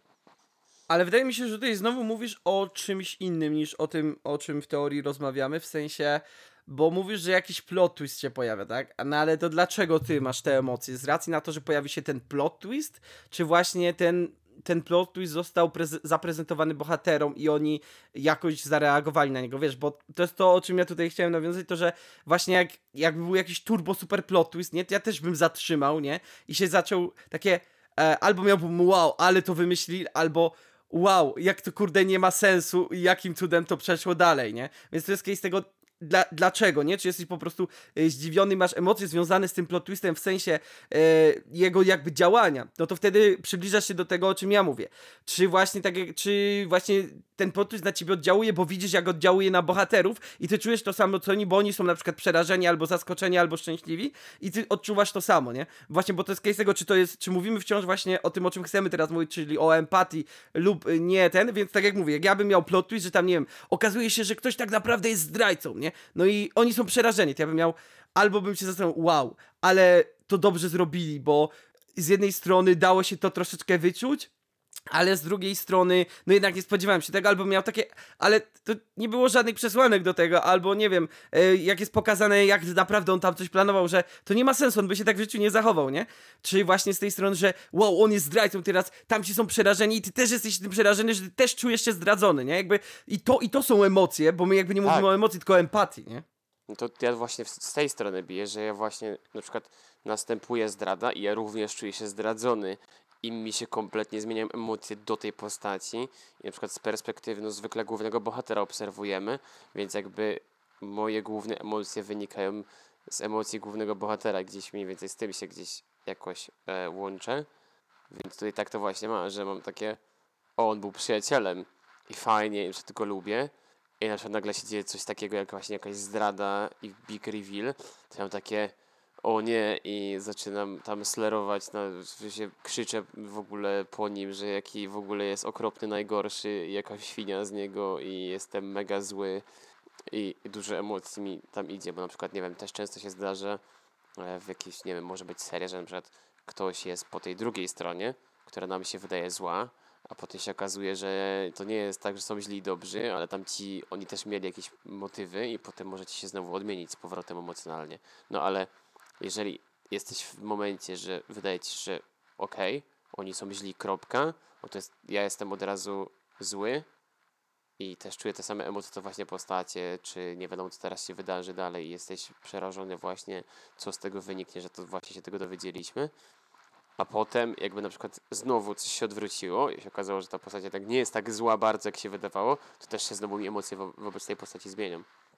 I to też nieraz miało miejsce, ale to właśnie u mnie wynika z bardziej takich emocjonalnych powódek, że ja też czuję się zdradzony przez tą postać, że czuję się oszukany, szczególnie jak się nie spodziewam tego, no to tym bardziej się czuję oszukany, bo jeszcze gdybym się na przykład domyślił, to spoko, ale jak się nie domyślam, no to się czuję mega oszukany i, i też odczuwam to, co postacie prawdopodobnie w tym momencie, czyli no wiadomo, zdradzi przyjaciel, no to nagle masz takie e, aha, jesteś zły, wkurzony, e, tam nie wiadomo, jakaś walka wynika z tego i tak dalej. To mniej więcej z tego u mnie to wynika, niż z samego wow, ale ten plot twist był dobrze zrobiony, bo mi się w ogóle to nigdy nie chce mi się nad tym myśleć. Potem dopiero, jak mi emocje opadną, to ewentualnie się nad takim technikaliami zastanawiam.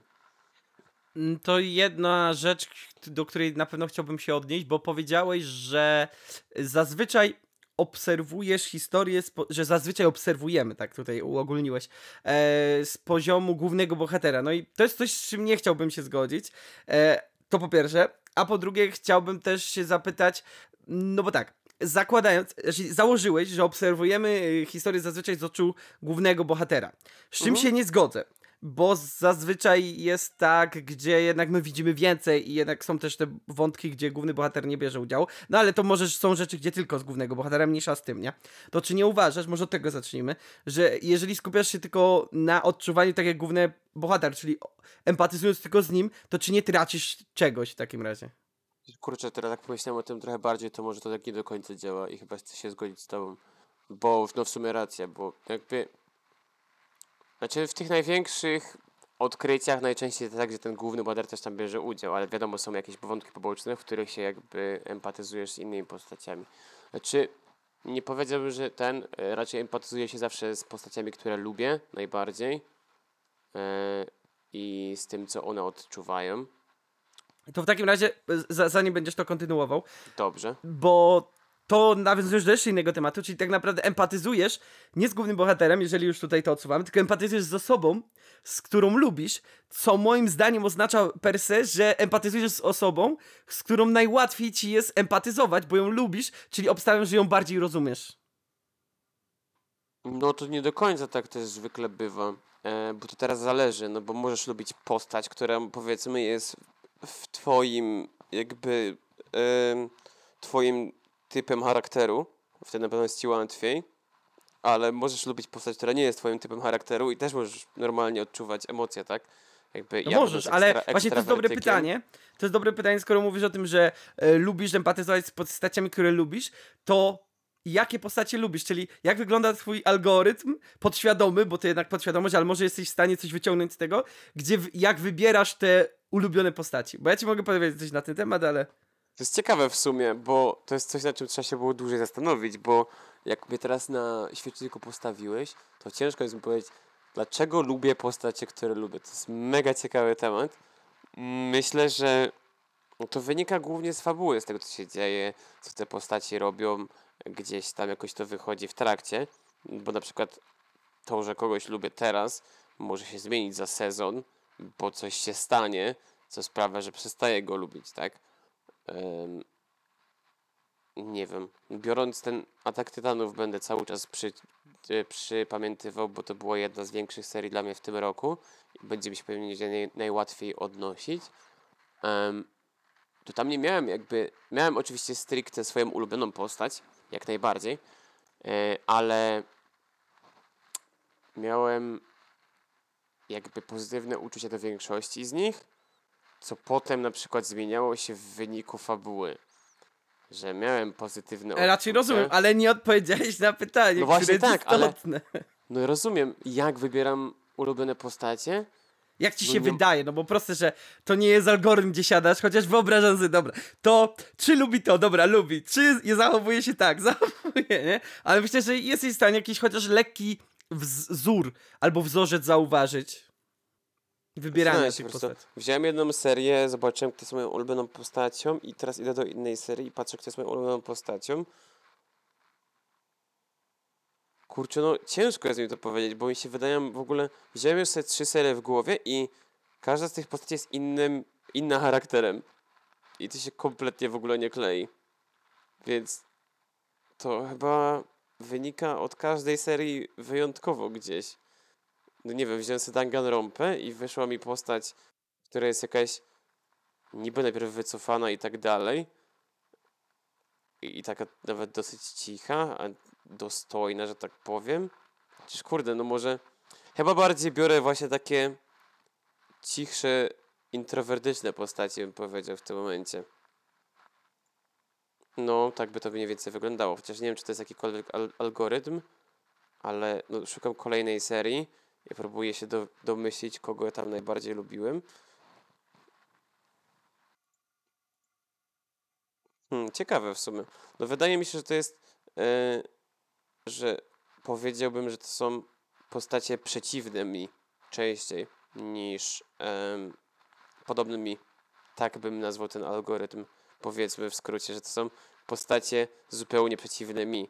Ja będąc osobą ekstrawertyczną, której jest pełno, wszędzie dużo gada i tak dalej, to jak patrzę teraz na moje ulubione postacie, to są takie spokojne, a nie chaotyczne jak ja. Są często ciche, a nie wygadane jak ja.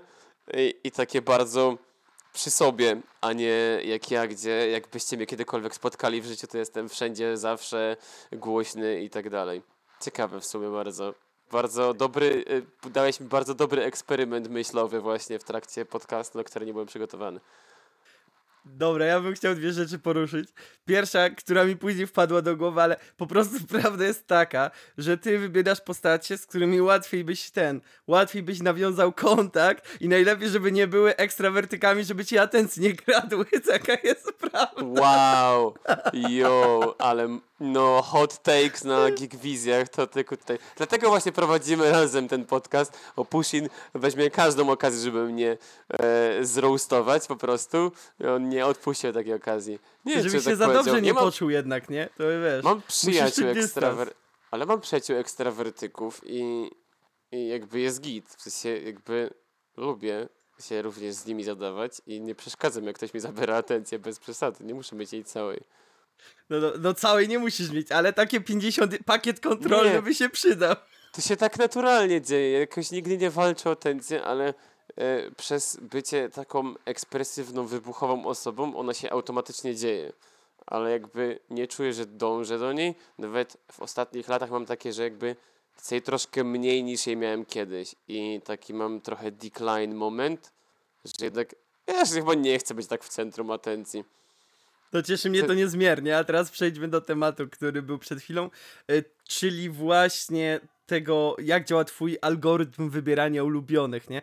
I już samo to, jak, jak szukałeś tego, pokazuje zupełnie dwie odmienne ścieżki, bo ty szukałeś przez to, co w nich lubisz, y, jak ten, jak ich odbierasz, jacy oni są, a u mnie zaz zazwyczaj ulubiona postać to najciekawsza postać. Czyli postać, co A. znaczy najciekawsza? Czyli postać, która jest. y, mm, te, to jest też ciężko, ale okej, powiedzmy tak. Wróćmy do Gaiusa Baltara. O, dzisiaj trudno będzie. Sam to zrobiłeś, dzisiaj będzie mega dużo nawiązań do Battlestara Galactiki. Gaius Baltar jest jedną z najciekawszych postaci i też przez to moją ulubioną bo jest najbardziej skomplikowaną z postaci, tak? Jest, jest bardzo ważny dla fabuły, to po pierwsze, więc jest go dużo. Ma pewną specjalną hmm, umiejętność czy przypadłość, która też mega ciekawie wpływa na fabułę i na odbiór jego i jego interakcji z innymi postaciami. E, przechodzi przez wiele ról i przechodzi przemianę postaci, co pokazuje ci też wiele jego jakby możliwości i odkrywa ci go coraz więcej, więcej, więcej w trakcie fa- trwania fabuły, więc dla mnie to jest instant, jakby miejsce na najciekawszą postać, nie? Okej, y, muszę przyznać, że w moim przypadku też często główny bohater staje się e, najciekawszą postacią, czy moją ulubioną, ale tak jak mówię, ja nigdy nie patrzę tylko z perspektywy głównego bohatera, tylko też z, z, perspektywy świata czy innych, więc to nie jest tak, że ja coś tutaj tracę, bo jakby mój ulubiony bohater to nie znaczy, że tylko wokół niego się zastanawiam, bo tak jak mówię, ja bardziej widzę się, nie wiem, jak ktoś kojarzy MCU, to skojarzy aspekt Watchera, tak? Czyli tej wielkiej jakiejś tam mistycznej postaci, która została wysłana przez bogów uniwersów czy przez coś tam y, i on tak stoi i się patrzy, i analizuje, i się patrzy. To ja właśnie tak siebie wyobrażam najczęściej, jeśli chodzi o oglądanie czegoś e, i ogólnie spożywanie popkultury, że jestem tym watcherem, więc i to, że mam ulubioną postać, to nic nie znaczy, ale e, jakby jestem w stanie sobie ten algorytm, jakby w Dexterze, w sensie nie mówimy o animacji, tylko o serialu, no to Dexter jest najciekawszą postacią per se, bo jakby podwójne życie prowadzi, ma monologi wewnętrzne, to zazwyczaj jak mamy... Mm, postać, gdzie główny bohater prowadzi monologi wewnętrzne, no to to pewnie będzie najciekawsza postać, już abstrahując od tego, czy monologi wewnętrzne w seriach, serialach i filmach są spoko, bo uważam, że czasami wykorzystywanie monologów wewnętrznych to jest po prostu pójście na łatwiznę, no ale my nie o tym no to on będzie najciekawszy dla mnie, no bo będę miał najwięcej informacji i będę najłatwiej mógł sobie wziąć pod uwagę to, czy to jest w ogóle ciekawe, co się dzieje, nie? No bo to jest case tego, dlaczego ja w ogóle uważam e, jakiś serial za ciekawy, czy nie, czyli czy on mnie zainteresuje tym, co pokazuje, czy jakby, czy fabuła jest interesująca, albo czy schematy są interesujące, bo są na przykład seriale, gdzie schemat sam jest interesujący, no albo może mieć na przykład dobre żarty, jak jakiś, nie wiem, tam The Office, czy coś takiego, czy Monty Python, gdzie po prostu oglądam to, bo chcę dostać kolejny absurd, tak? Ktoś kiedyś powiedział, że jedną z definicji humoru to jest to, że dostajesz coś, co było zupełnie naprzeciwko twoich oczekiwań, więc dla mózgu to jest taka zagadka, która tak trochę cię gilgocze i to jest jako fajne, tak, że tutaj y, tam na podstawie przysłów to było chyba pokazywane, że gościu brał przysłowie i zmieniał tam ostatnią końcówkę, tak, no oczywiście to nie było turbo śmieszne haha humorek, ale rzeczywiście czułeś to takie, że o, tutaj rzeczywiście tutaj jest jakaś taka zmiana i coś tu się dzieje, nie, i myślę, że dlatego w tym aspekcie właśnie ci najciekawsi bohaterowie najwięcej mogą oddziaływać na ciebie, bo z racji na to, że tak dużo masz ich przedstawionych, to jesteś w stanie sobie jakoś wyobrażać, jak oni by się zachowali i porównywać z tym, jak się rzeczywiście zachowali. Dlatego wydaje mi się, że o ile, tak jak mówię, o ile mój mózg mnie nie oszukuje, nie ma Mandeli efekt i to, co mówiłem na ostatnim podcaście, to prawda z tym, co się działo z panem detektywem z Heavy Raina, dlatego to mnie tak bardzo ukuło, bo po prostu to było tak bardzo sprzeczne, że ja się poczułem oszukany i ja nie byłem w stanie z tym funkcjonować i Dawid Klatka po prostu poczułem się jakby mi dał w twarz po prostu z plaskacza, nie? Ciekawe bardzo. Fajne. W podoba mi się po prostu zobaczyć ten, ten odmienny punkt widzenia od mojego i, i nie będę ukrywał, że czuję, że zostałem postawiony właśnie w pułapce dylematowo-mentalnej przez ciebie w trakcie podcastu, gdzie nie byłem na to gotowy, bo zadałeś mi to pytanie. Musiałem się wypluć emocjonalnie, a się okazało, że ty się nie wypluwasz emocjonalnie, jak wybierasz postać. I to ciekawe w sumie bardzo było dla mnie, bo nie wyobrażam sobie żebym ja mógł kiedykolwiek podejść do wybrania postaci w ten sposób pod względem ciekawości, a nie emocjonalnego przywiązania. Ale fajnie, bo nawet teraz jakby to wy się też czegoś wydajecie, nasi kochani wizjonerzy, słuchacze, ale ja też się czegoś fajnego dowiedziałem, e, nawet o samym sobie, że gdzieś podświadomie wybieram e, postacie na podstawie własnych emocji, a nie na podstawie gdzieś tam właśnie tak jak Pushing, ciekawości i samego jej działania w tym świecie. To jest mega interesujące, bo no, mamy to samo pytanie postawione. Moja odpowiedź to jest o, to są postacie przeciwne do mnie e, odwrotnościowo, emocjonalnie, a ty, no, ciekawa postać. Bardzo, bardzo ciekawe, e, że właśnie można mieć jedno źródło kultury i odbierać je aż tak różnie. Mm, to ja bym w takim razie chciał jeszcze właśnie wrócić do tego case'u empatyzowania slash y, głównego bohatera slash ulubionego bohatera. To znaczy, bo mówisz, że głównie w ten sposób empatyzujesz. Powiedzmy, na razie taka, taka powstała, taka, taka tutaj powstała mm, propozycja. Yy, więc pytanie, czy zdarza ci się właśnie specjalnie próbować empatyzować powiedzmy tak, metaforycznie z tą drugą stroną, tak? Żeby, żeby zobaczyć sobie tutaj, że a, on, on czuje tak, bo ma taki backlog i to widział, a on czuje tak, bo ma inny backlog i tak widział i zastanawianie się na przykład, że kto ma rację, nie? Albo coś takiego. Znaczy, generalnie z tą główną postacią to tak może tak wypaliłem za szybko, bez zastanawiania się tym głębiej. Zdecydowanie gdzieś ta główna postać no często jest z jakiegoś powodu główną i koniec końców, chcąc, nie chcąc, finał historii dojdzie do niej i, i, i tego się często nie da uniknąć. E, dlatego na przykład, nie wiem, e, e, tarcze ochronne, fabularne są, istnieją, choć nie są za dobre moim zdaniem, ale to temat na inny, inny w ogóle odcinek. E, aczkolwiek, e, no właśnie, powiedziałbym, że tak, że jestem w stanie się empatyzować z obiema stronami i jest to gdzieś też istotne, bo też można wtedy zrozumieć coś takiego, ale nie ukrywam, że jeżeli to jest na przykład jakaś duża sytuacja, która wywołuje we mnie negatywne emocje, to dopiero później zaczynam się zastanawiać emocjonalnie, dlaczego oni w ogóle tak zrobili, a najpierw przeżywam to, jakie negatywne emocje to wywołało z perspektywy tej jakby głównej, a nie z tej drugiej strony, tak? E, czyli no macie reveal zdrajcy, no to najpierw przeżywam bardzo, bardzo mocno te emocje ze względu na zdrady, a dopiero potem zastanawiam się, a dlaczego w ogóle, jakie emocje wynikały e, z tej drugiej strony, że zdradziło, tak, tamta osoba. Więc tak bym to powiedział, że wygląda. E, no ma to jakiś sens, ale powiem ci, że właśnie jak sobie tak o tym rozmawiamy, to zacząłem troszeczkę tak uogólniać, czy można powiedzieć, ekstrapolować to, o czym teraz sobie rozmawiamy i to, jakie wnioski wyciągamy, bo zacząłem się zastanawiać, mm, jaki wpływ może mieć właśnie nasz odbiór, sposób odbierania seriali i też sposób dobierania powiedzmy ulubionych postaci, czy takich, które jakoś nam się podobają, na to, co nam się podoba, jakich sposobów, e, jakich sposobów, e, nie, nie, sposobów to złe słowo, jakich rodzajów kultury szukamy, czy kategorii kultury. Bo jak dla mnie teraz właśnie rozwiązałem mój, moje kluczowe życiowe pytanie, że tak powiem, e, prześmiewczo odrobinę, czyli dlaczego ludzie oglądają okruchy życia. Właśnie mi się to wyjaśniło, bo ja zrozumiałem, że dla mnie okruchy życia to jest najgorsze, co istnieje, bo to jest dosłownie próba przeniesienia życia i to jest mega nudne. Jesteś w stanie mniej więcej to przewidzieć. I jak się zastanawiam, czemu ludzie oglądają te barwy szczęścia, czy inne jak miłość, czy inne anime, czy inne takie rzeczy, a później uświadamiam sobie, że istnieją tacy ludzie jak Kubox, którzy po prostu chcą dostać setting, który łatwo ogarną, bo to życie i po od, i po, po współodczuwać w odrobinie innym układzie. jakby teraz mam takie, tego mema z tym chłopem, co tak robi takie puu. No, zaraz ten, ty tutaj się zaraz, ja się tu obrażę, bo ty powiedziałeś, że ja po prostu szukam prostego settingu, w którym się odnajdę. No ładnie, żeś powiedział tutaj. Właśnie chciałem sprawdzić, bo tak, ja uwielbiam slice of life, okruchy życie i takie tam rzeczy. Ja się świetnie przy nich bawię, ale nie dlatego, że szukam prostego settingu, bo nie potrafię zrozumieć skomplikowanego. Nie, to przepraszam, to nie o to mi chodziło. Chodzi mi o to, że jakby łatwo ci zrozumieć sytuację. Ona jest troszeczkę inna, bo nie wiem, jakieś kurczę, okruchy życia o siatkarkach, na pewno jest coś takiego, nie? I jakby jesteś w stanie się dosyć szybko wczuć w to, bo wiesz, jak wygląda, wiesz, jak wygląda ogólnie życie na Ziemi, nie wiem, nie?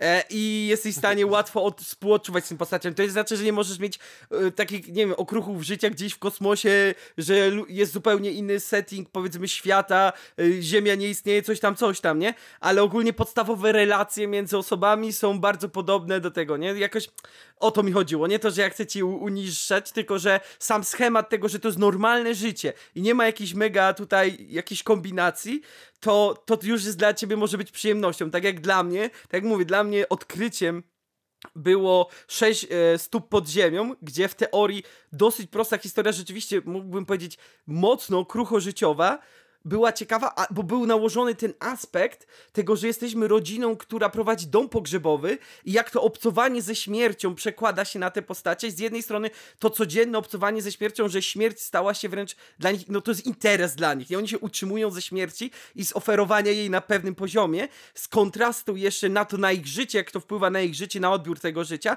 z kontrastem jeszcze na to, yy, że jak oni odbierają śmierć, śmierć we własnej rodzinie, że w teorii śmierć jest dla nich niczym, ale jak uderza ich wewnętrznie we własnej rodzinie, to odbierają ją zupełnie inaczej. I jeszcze, że tam jest nałożone coś takiego, że ludzie, którzy nie żyją, im się jakby mają wizję z nimi. I to jest też jakiś ciekawy plot twist, więc to są niby okruchy życia, ale na tyle podkrę podkręcone, że obserwowanie tej rodziny było dla mnie ciekawe, nie? Że to był ten poziom okruchów, który ja mogę znieść.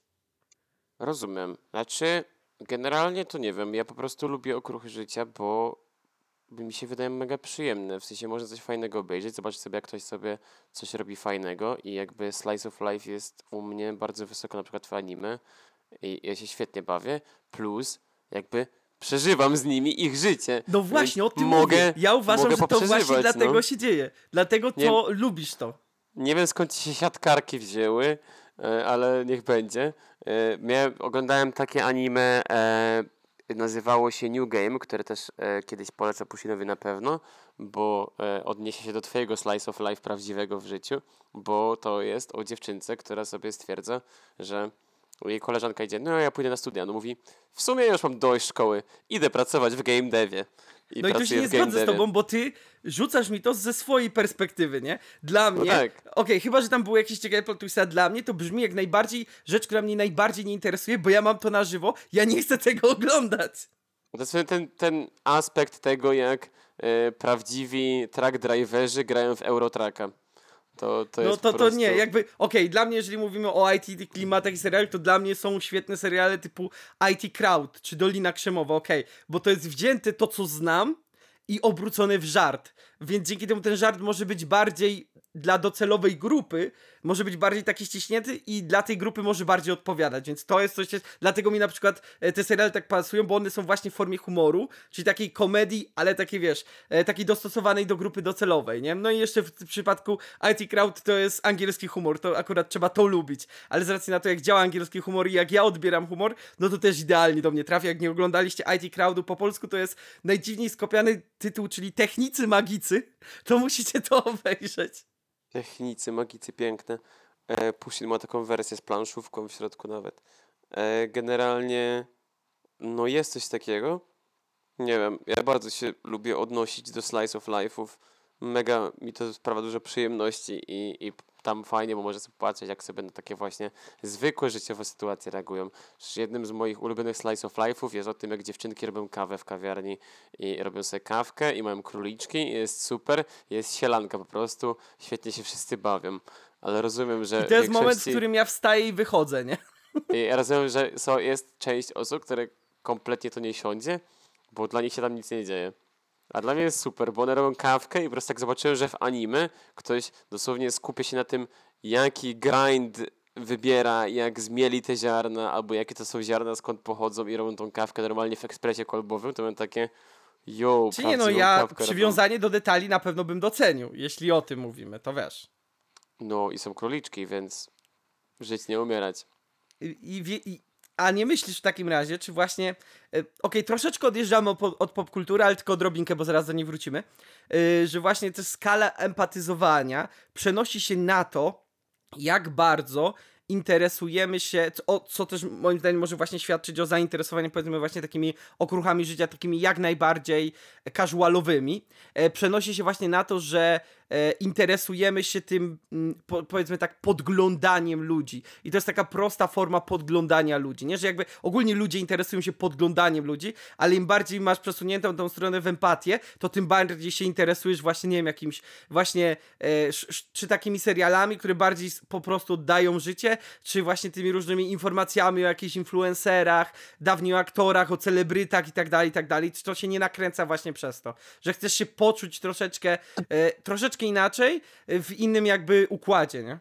Wydaje mi się, że nie, bo sam personalnie kompletnie nie obchodzą mnie jacyś influencerzy zwykle, nie obchodzą mnie jacyś aktorzy, e, co się tam u nich dzieje, takie jakieś tam typowo influencerskie rzeczy powiedzmy. Często mi przychodzą bokiem. Ja nawet nie wiem, jak niektórzy, ak- większość aktorów nie znam po nazwiskach, bo nie potrafię ich zapamiętać, a studiowałem musical theater i miałem potem problemy na zajęciach, jak trzeba było przypomnieć sobie, kto grał w jakim muzy- musicalu. Więc raczej nie.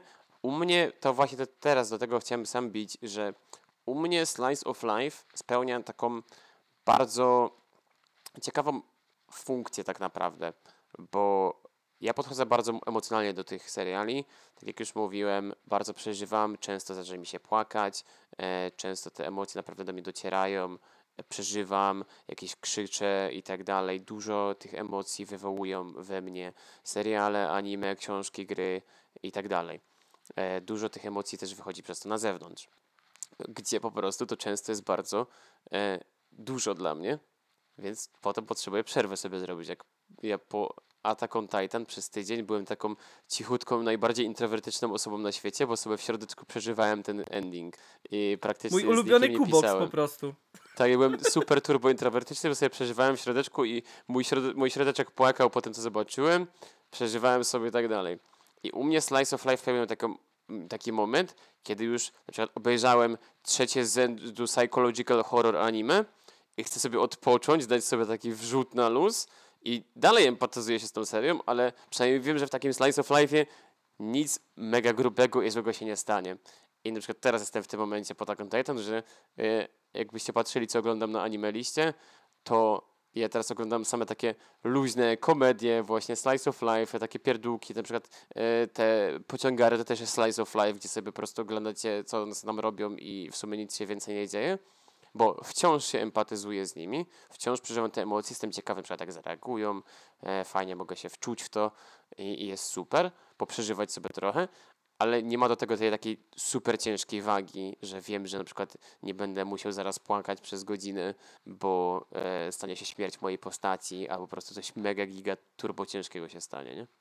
Do bardzo, ci- tak o bardzo ciekawej rzeczy powiedziałeś, do której chcę teraz, e, chciałbym się odnieść. To znaczy, że mm, tam mówisz, że te okruchy życia są dla ciebie takim safe space'em, nie?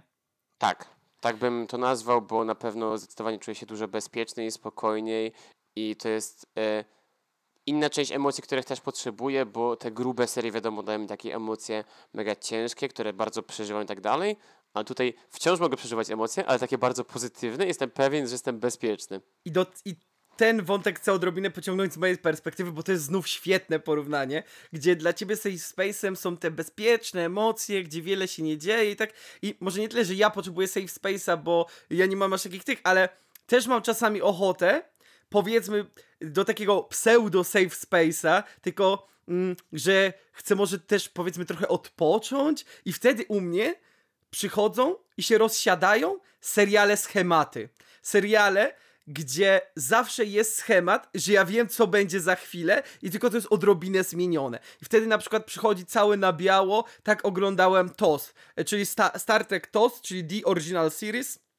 E, to są pierwsze trzy sezony Star Treka, jakie kiedykolwiek powstały. I na przykład miałem, że jakiś serial oglądałem i między tym na przykład uznawałem, że a, dzisiaj nie będę oglądał tego, co normalnie oglądam, tylko obejrzę sobie jeden odcinek Star Treka, bo one zazwyczaj nie były zupełnie z sobą powiązane, a zawsze był schemat, że leci sobie statek, e, później mają jakiś problem, e, zastanawiają się, jak się go rozwiązać, Później mają problem w związku z tym problemem, później coś, ale jednak za każdym razem to było coś innego. I to jest znowu mój safe space. Mój safe, tak jak twój safe space jest emocjonalny, to mój safe space jest mechaniczny, że ja potrzebuję schematu. Schematu, który jednak się zmienia, ale gdzie ja wiem mniej więcej, czego oczekuję, nie? E, tak sobie na przykład drużyna A. Drużyna A to był mój tak bardzo guilty pleasure, że ja sobie odpalałem i wiem, że ktoś przyjdzie z taskiem do nich. Oni pojadą w tamto miejsce, będą próbowali się dogadać, ale się nie uda. Później zaczną strzelać, oczywiście nikogo nie trafią, bo to są te lata, że korzystają z broni, ale ten.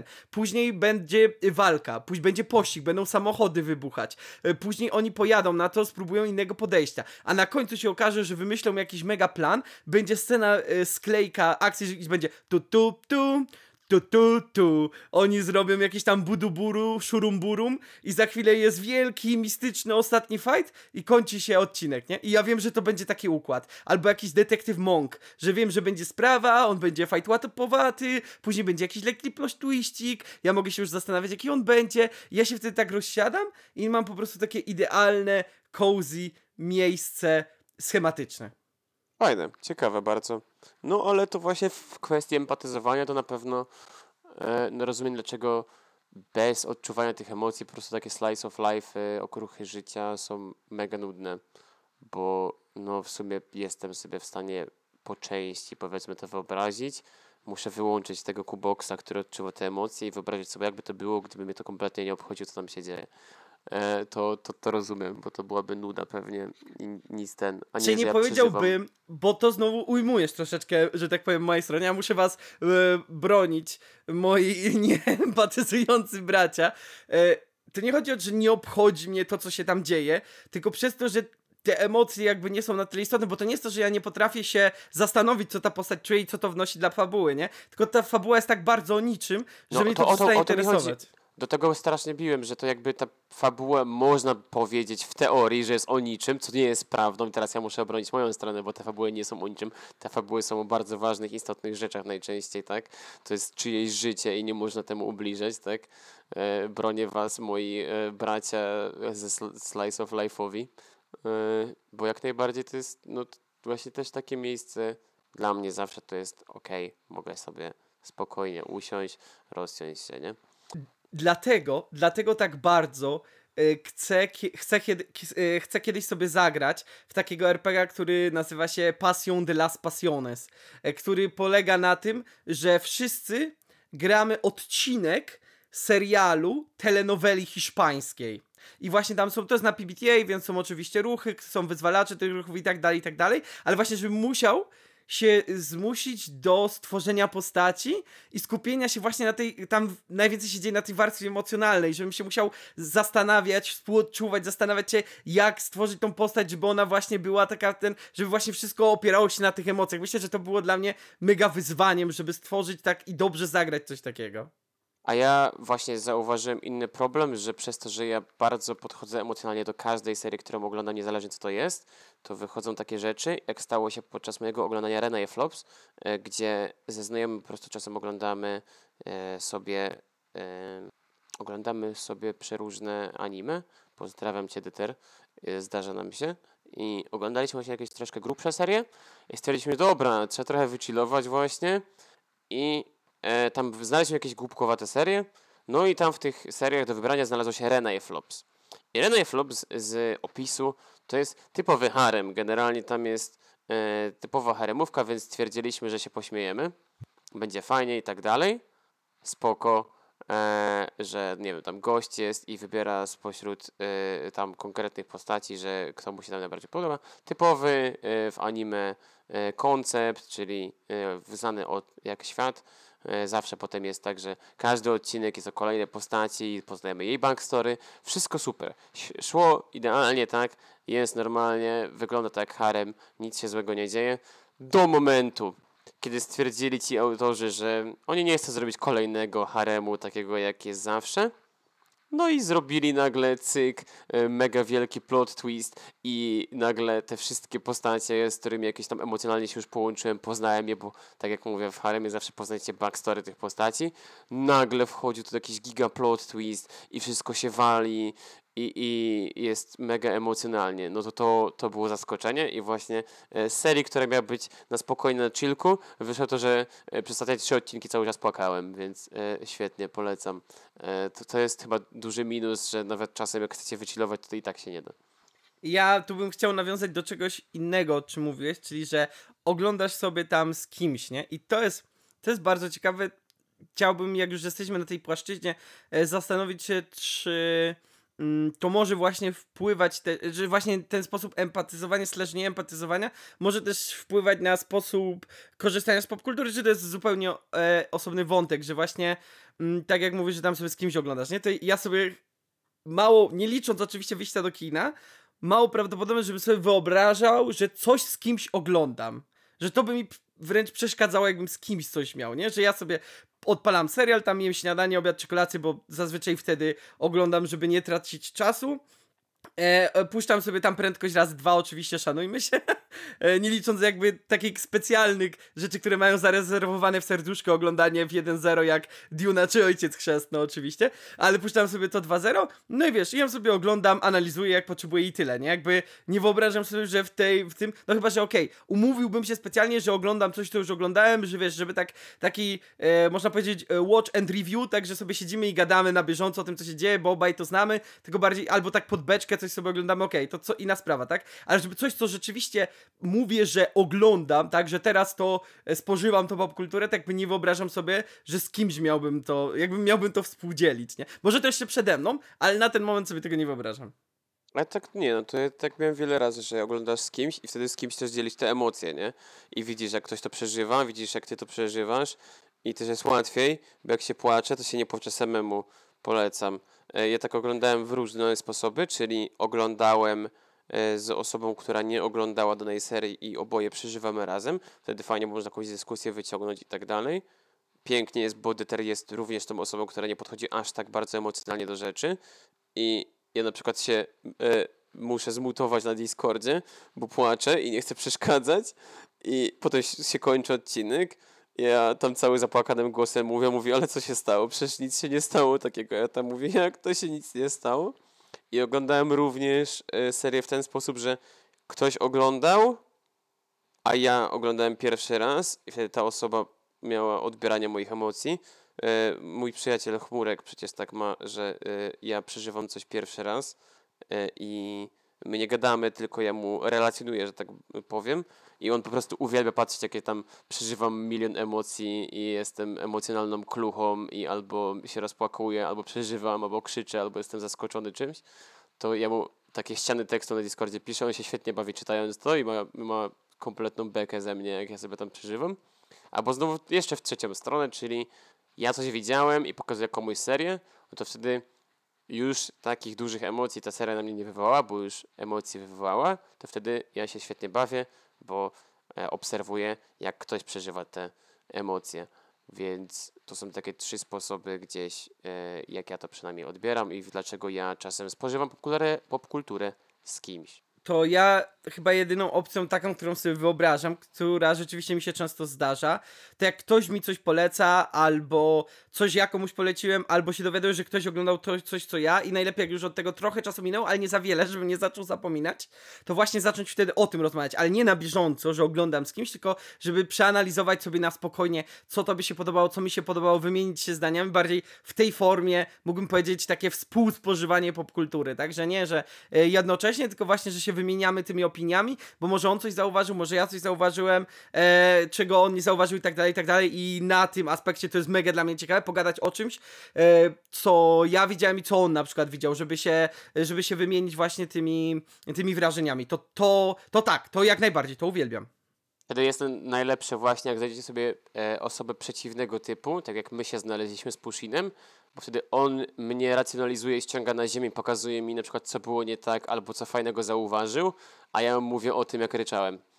E, e, I dlaczego, i, i co się tam w ogóle działo. I to jest super, bo wtedy macie takie to zderzenie, nie dość, że rozmawiacie o tym, wiadomo, podstawowo na najbardziej prostym poziomie, że podobało wam się coś, nie podobało. Jeszcze wtedy możecie się wymienić z tymi różnymi podejściami do spożywania popkultury. Bardzo fajne to jest, podoba mi się No właśnie, opcja. bardzo dobrze, że poruszyłeś ten wątek, bo on jest kolejny na mojej liście tematów tutaj do poruszenia, czyli rozmawianie i dzielenie się. E, to jest coś, co ja muszę poruszyć, bo to już spoilerowałem na ostatnim odcinku, czyli dlaczego, tak jak mówię, ja sobie coś obejrzę, zastanowię się później, jak ktoś poruszy ten temat, to wow, ja mogę rozmawiać, rozmawiać, rozmawiać, rozmawiać i nagle mi ja, któraś godzina i się, bo poszliśmy w ciąg, który odwołań do seriali, filmów i tak dalej, nie? E, a e, jest po drugiej, może nie po drugiej stronie, ale z drugiej strony e, jest Kubox, który gra w ten, w Gotham Arkham Knight i spamuje mi jednozdaniowymi wiadomościami, jak w dymkach z komiksów, że wow, co się stało? Ona mnie zaatakowała, coś tam, nieprawdopodobne, co się teraz dzieje? ja tak czytam to i nie wiem jak zareagować, bo jak odpiszę mu na to, to będzie, że spoiluje. Jak mu nie odpiszę, to będzie, że mu nie odpisuje, a jakby ja mam takie aha, jakby jak skończysz, to możemy o tym pogadać, a teraz coś powiem, to się obrazisz, bo spoiluję. Nie powiem, to się obrazisz, że nie powiem. Co ja mam robić? Jestem przerażony. Pamiętajcie, dbajcie o swoich emocjonalnych przyjaciół, bo oni was potrzebują. Nie mam pojęcia, jak macie to zrobić. Po prostu dajcie im reakcję jakąkolwiek, taką, że o kurczę i tak dalej, taką bezpłciową może nawet, ale no to jest coś takiego. W sensie ja mam na tyle energii, że jakby mi te emocje przeżywają i jakby jako, że gadałem z Pushinem o tym Batmanie, to potem mam potrzebę mu się podzielić tymi emocjami, które wywołuje we mnie to dzieło kultury. Najlepszą wiadomością. Najlepszą wiadomością, jaką Kubox do mnie napisał, to jak mi napisał, że się wydarzyły główne plot twisty, ja wtedy zrobiłem tylko takie, uff, to teraz możemy zacząć rozmawiać. Tak, bo doszedłem do, do największych plot twistów i się trochę uspokoił, bo powiedział potem, że był tak przerażony, żeby mi nie zaspoilerować, także no ciekawie było, ciekawie. Ale no właśnie to jest to jest super. E, Chmurek to świetnie robi. On po prostu, e, jak ja tam przeżywam, przeżywam, to mi wysyła taki obrazek z duszkiem pikselowym, jest napisane It's a mystery i w sumie tyle. No to ja Znaczy, miałem podobne podejście. Za każdym razem, jak Kubox mi się czymś chwalił, to ja wysłałem mu po prostu inną wersję tego mema Congratulation! Ale tak po 30 razie mi się skończyły wersje, więc już nie miałem jak reagować. No, ciężka sprawa. Dbanie o emocjonalnych przyjaciół jest e, skomplikowanym taskiem. No, ale jest coś takiego. To jest właśnie w sumie ciekawe, bo jakby jakbym ja tutaj coś polecił, to ty byś po prostu jak skończył, powiedziałbyś jak było i tyle by było. A ja w trakcie, kurde, eksploduję i każdy najmniejszy plot twist.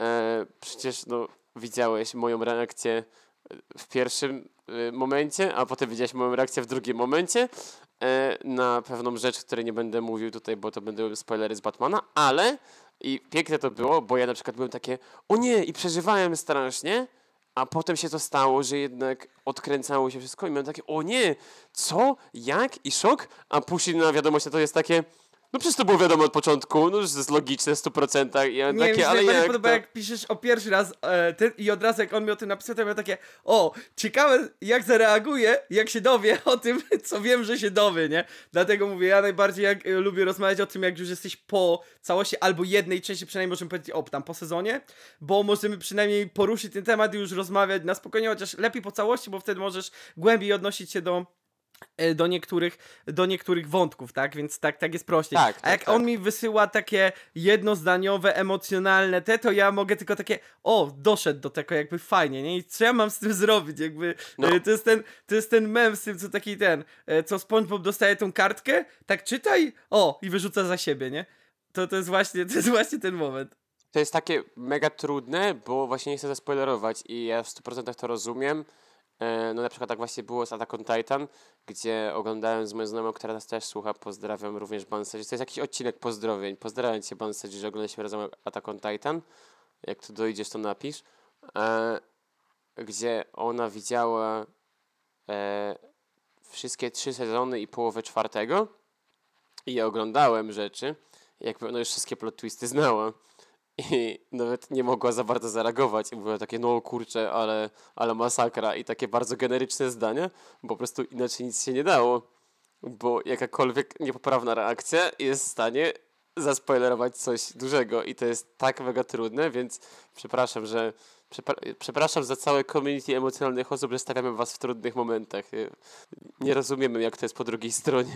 Tym bardziej nie mógłbym z tobą oglądać czegoś, co ja już oglądałem, a czego ty nie oglądałeś, bo ja bym się nie mógł powstrzymać od tego, patrz, zwróć uwagę na to, bo to później będzie istotne, albo patrz teraz na to, później on coś zrobi, nie? Ja bym był tym typem, co mówi, pa, teraz będzie ciekawe.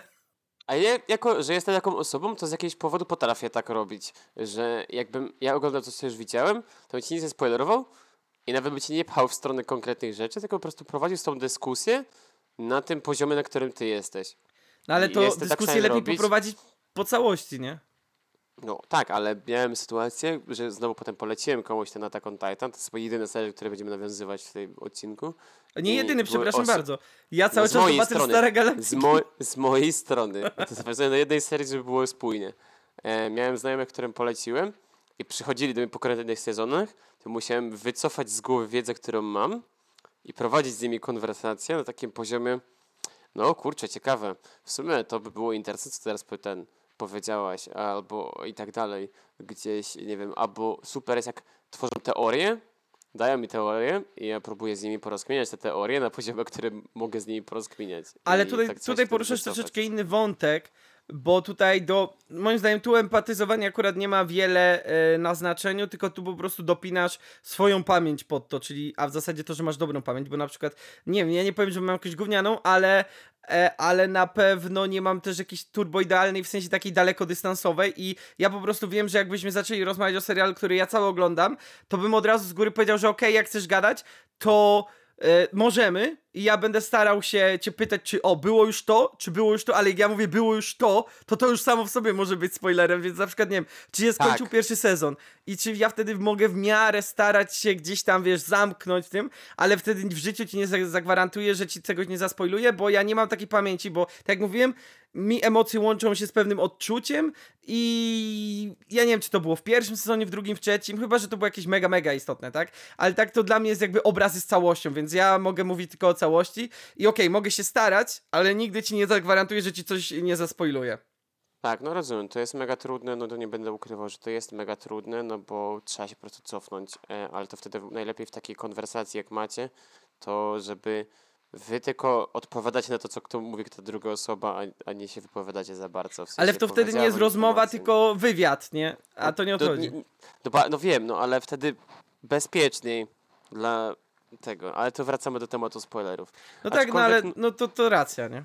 Tak, więc no empatyzowanie e, również z waszymi przyjaciółmi, żeby nie zaspoilerować im jest też również istotne. Dobrze, to ja myślę, że powoli, powoli zmierzam do końca. Oczywiście, znając życie, poruszyliśmy nawet jakieś części najważniejszych tematów, ale myślę, że e, no, jakby nasz podcast jest od tego, żeby dawać jakiś tam ogólny pogląd rzutujący na całą popkulturę i też zachęcać oczywiście całe, miejmy nadzieję, wciąż rozwijające się community wizjonerów do, do rozmowy, więc jeżeli macie jakieś swoje zdanie na ten temat, to z chęcią e, o, nim, o nim usłyszymy i może spróbujemy się jakoś do tego odnieść, bo myśli, wydaje się nam, że jesteśmy gdzieś tam po tych skrajach tych możliwości, a może właśnie ktoś ze środka chciałby się wypowiedzieć. Ja na przykład e, z chęcią wysłuchałbym jakiejś takiej e, cent, e, centrystycznej wypowiedzi.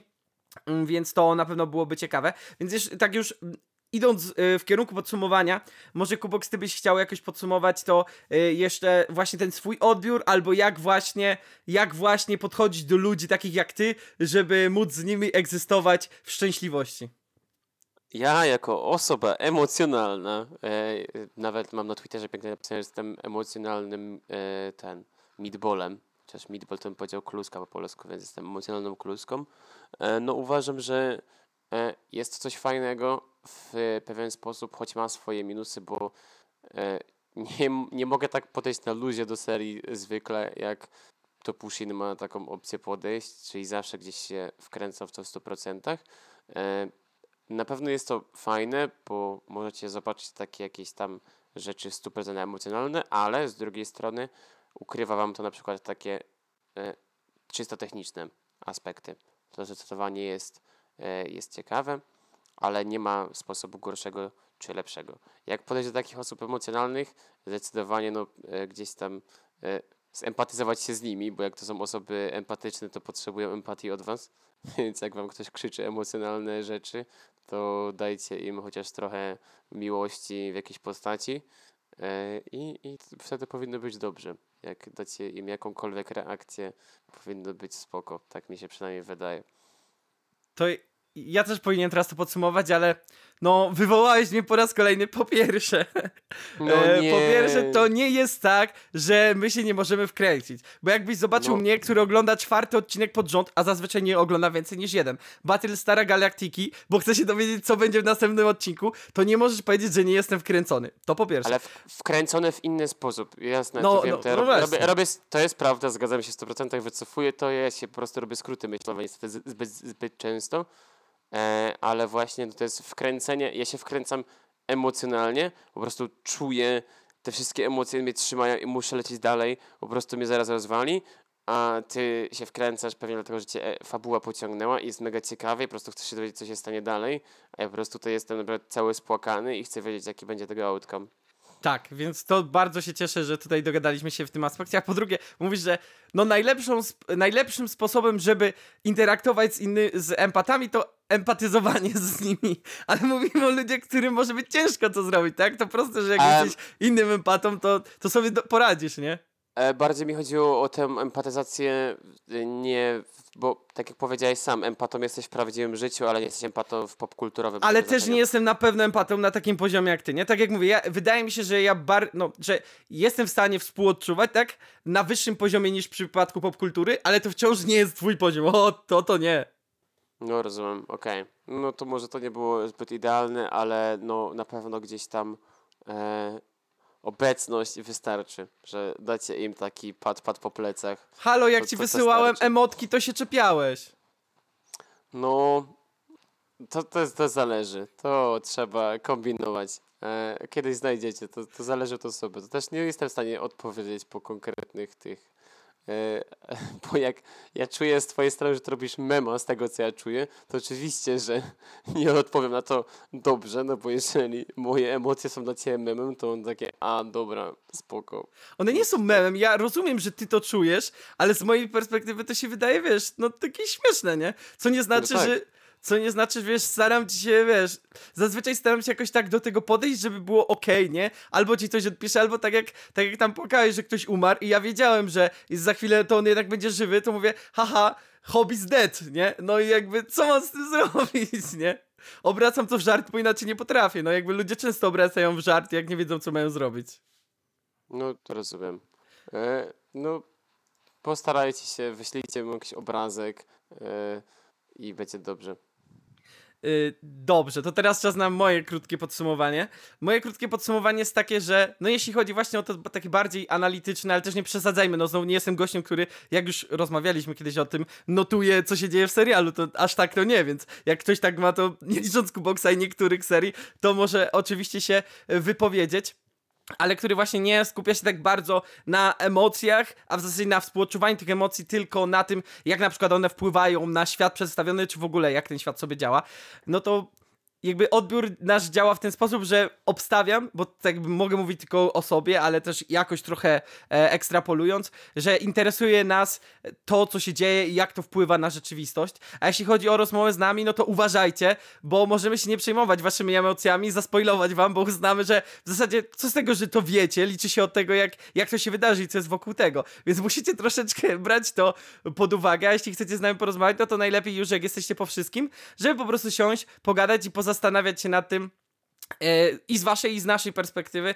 jak na przykład to mogło wpłynąć, bo e, to, że jakby tak mega mnie te emocje nie interesują, to nie znaczy, że nie chciałbym na przykład o tym posłuchać, ale wtedy pewnie chciałbym e, też jakoś, no, kontratakować, to może za mocne słowo, ale nawiązywać do pewnych elementów, które, no, mogą być wprost spoilerami, które nawet nie uznam za spoiler, ale ktoś może uznać, że to jest spoiler, więc na pewno musicie bardziej w tę stronę uważać, co mówicie, żeby przypadkiem nie dostać e, ry- rykoszetem i żeby sobie później nie zniszczyć, mm, nie zniszczyć e, odbioru. I myślę, że tak już na zakończenie tego tematu e, wyciągnę cytat. Wyciągnę cytat z komiksu, który właśnie wczoraj czytałem, czyli właśnie z trzeciej części Sagi Nieskończoności, który mm, ogólnie w całym cyklu Nieskończoności na początku e, odcinków, zeszytów e, są jakieś cytaty z różnych tam e, ludzi. Mm, I tutaj mamy cytat z pana Francuza. Mam nadzieję, że nie zabije e, jego wymowy, ale, ale chyba powinno tak być, czyli Jean de la Bruyère. E, I piękny cytat, który moim zdaniem idealnie podsumowuje. Jak to wczoraj przeczytałem, to się muszę zrobić zdjęcie, bo jak dzisiaj będziemy o tym rozmawiać, to to będzie idealne. Czyli cytat brzmi następująco: Życie jest tragedią dla tych, którzy czują, i komedią dla tych, którzy myślą. I myślę, że to świetnie może podsumować to, o czym dzisiaj rozmawialiśmy. Zgadzam się w 100%, życie jest tragedią, dziękuję. Życie jest komedią, idziemy dalej. Dobrze, to słuchajcie, e, kolejny tydzień oznacza także kolejny ring popkulturowy, ale że jakby różne rzeczy na ringu mogą być. To dzisiaj przychodzę do was i do ciebie, Kubox, z specjalnym e, wydaniem ringu popkulturowego. Czy specjalnym to się jeszcze okaże, może będzie on jeszcze wracał w podobnych formach, ale uznałem, żeby to, że będzie to ciekawe, a mianowicie będzie to ring polegający na tym, że wziąłem, odpaliłem listę najlepiej ocenianych filmów na IMDb. Wypisałem sobie e, tam top 20, po czym spytałem Kuboksa, które z nich widział, pousuwałem je z tej listy i teraz przejdziemy sobie przez 10 z tych filmów. Ja będę Kuboksowi w skrócie opowiadał mniej więcej o czym one są, jak najbardziej bez spoilerów, a Kuboks po rozmowie krótkiej ze mną będzie decydował, który mu się bardziej podoba. W ten sposób powstanie top 10 filmów, które e, narzucając moją jakby opowieść o tym, slash to jak Kubox mu się wydaje, że mu się to podoba, wyjdzie lista top 10. I ja myślę, Kubox, jesteś w stanie e, się zobowiązać, że przynajmniej top 1 obejrzysz i później zrecenzujesz, czy warto było? Tak, ja się jestem w ogóle ciekawy, bo serio nie wiedziałem. Ja się go zapytałem dzisiaj przed nagrywaniem, ej, a jaki my w końcu ring robimy, bo się nie dogadaliśmy. Mówi, Niespodzianka, zobaczysz. Więc ja serio nie wiedziałem, więc ja nie wiem, co tu się stanie. Ale to jest w sumie ciekawy koncept. Podoba mi się, fajnie to wymyśliłeś. E, jestem w stanie się zobowiązać, że przynajmniej top 1 obejrzę. Postaram się obejrzeć top 3. Dobrze. Postaram to... się, ale to nie jest obietnica. Obejrzę top 1 i e, zrecenzuję w przyszłym odcinku. Więc jeżeli też nie widzieliście tych filmów, albo widzieliście i chcecie je inaczej przedstawić Kuboksowi, to jak najbardziej możecie pisać do niego w DM-ach. E, Piszcie do mnie w DM-ach. Który, który powinien, e, który musi obejrzeć na pewno. E, tak, tak jak mówię, to polecić. było żeby to nie było, że ja coś wybierałem, po prostu wziąłem e, top IMDb, po kolei leciałem, takie, które ja widziałem, których Kubox nie widział, żeby to miało, A... miało sens. On usuwał, jak mnie dzisiaj pytał, to on usuwał te, które ja widziałem, a tak. których nie widziałem. Ja byłem pewien, że usuwał te, których nie widziałem. O Dokładnie, nie. usuwałem te, które widziałeś, bo wtedy to by nie miało sensu. Ty masz nie znać o... tego filmu. Okej, okay, no generalnie ja na swoją obronę powiem, że ja nigdy nie byłem za bardzo filmowy, za dzieciaka oglądam dużo filmów, ale ja zawsze byłem bardziej serialowy, dlatego mnie dużo filmów po prostu ominęło i ja tych filmów po prostu nie widziałem, bo nigdy nie byłem zainteresowany filmem, bo wolałem się wkręcić w seriale, które miały głębszą fabułę na dłuższą drogę. I A, jeszcze jedna rzecz, jedna rzecz e, tu, tłumaczeniowa. E, jeżeli druga albo któraś z kolejnych część jakiejś historii była wyżej, to brałem pierwszą z tej ty, trylogii, duologii, nie wiem, sagi, no żeby to miało sens, bo polecanie którejś tam z kolei w przypadku Kuboxa nie miałoby sensu, więc musiałem to w ten, w ten sposób zorganizować. Dobrze, to czas na pierwszy pojedynek na naszym ringu popkulturowym. I jest to w zasadzie dwie adaptacje książek. Pierwsza to Skazani na Shawshank, a druga to Ojciec Chrzestny.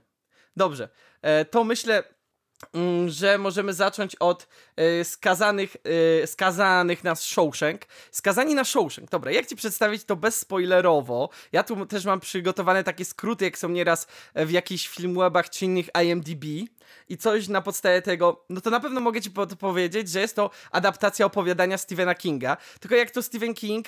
E, mówi, że zazwyczaj mu się nie podobało, to jemu zazwyczaj się nie podobają adaptacje jego filmów.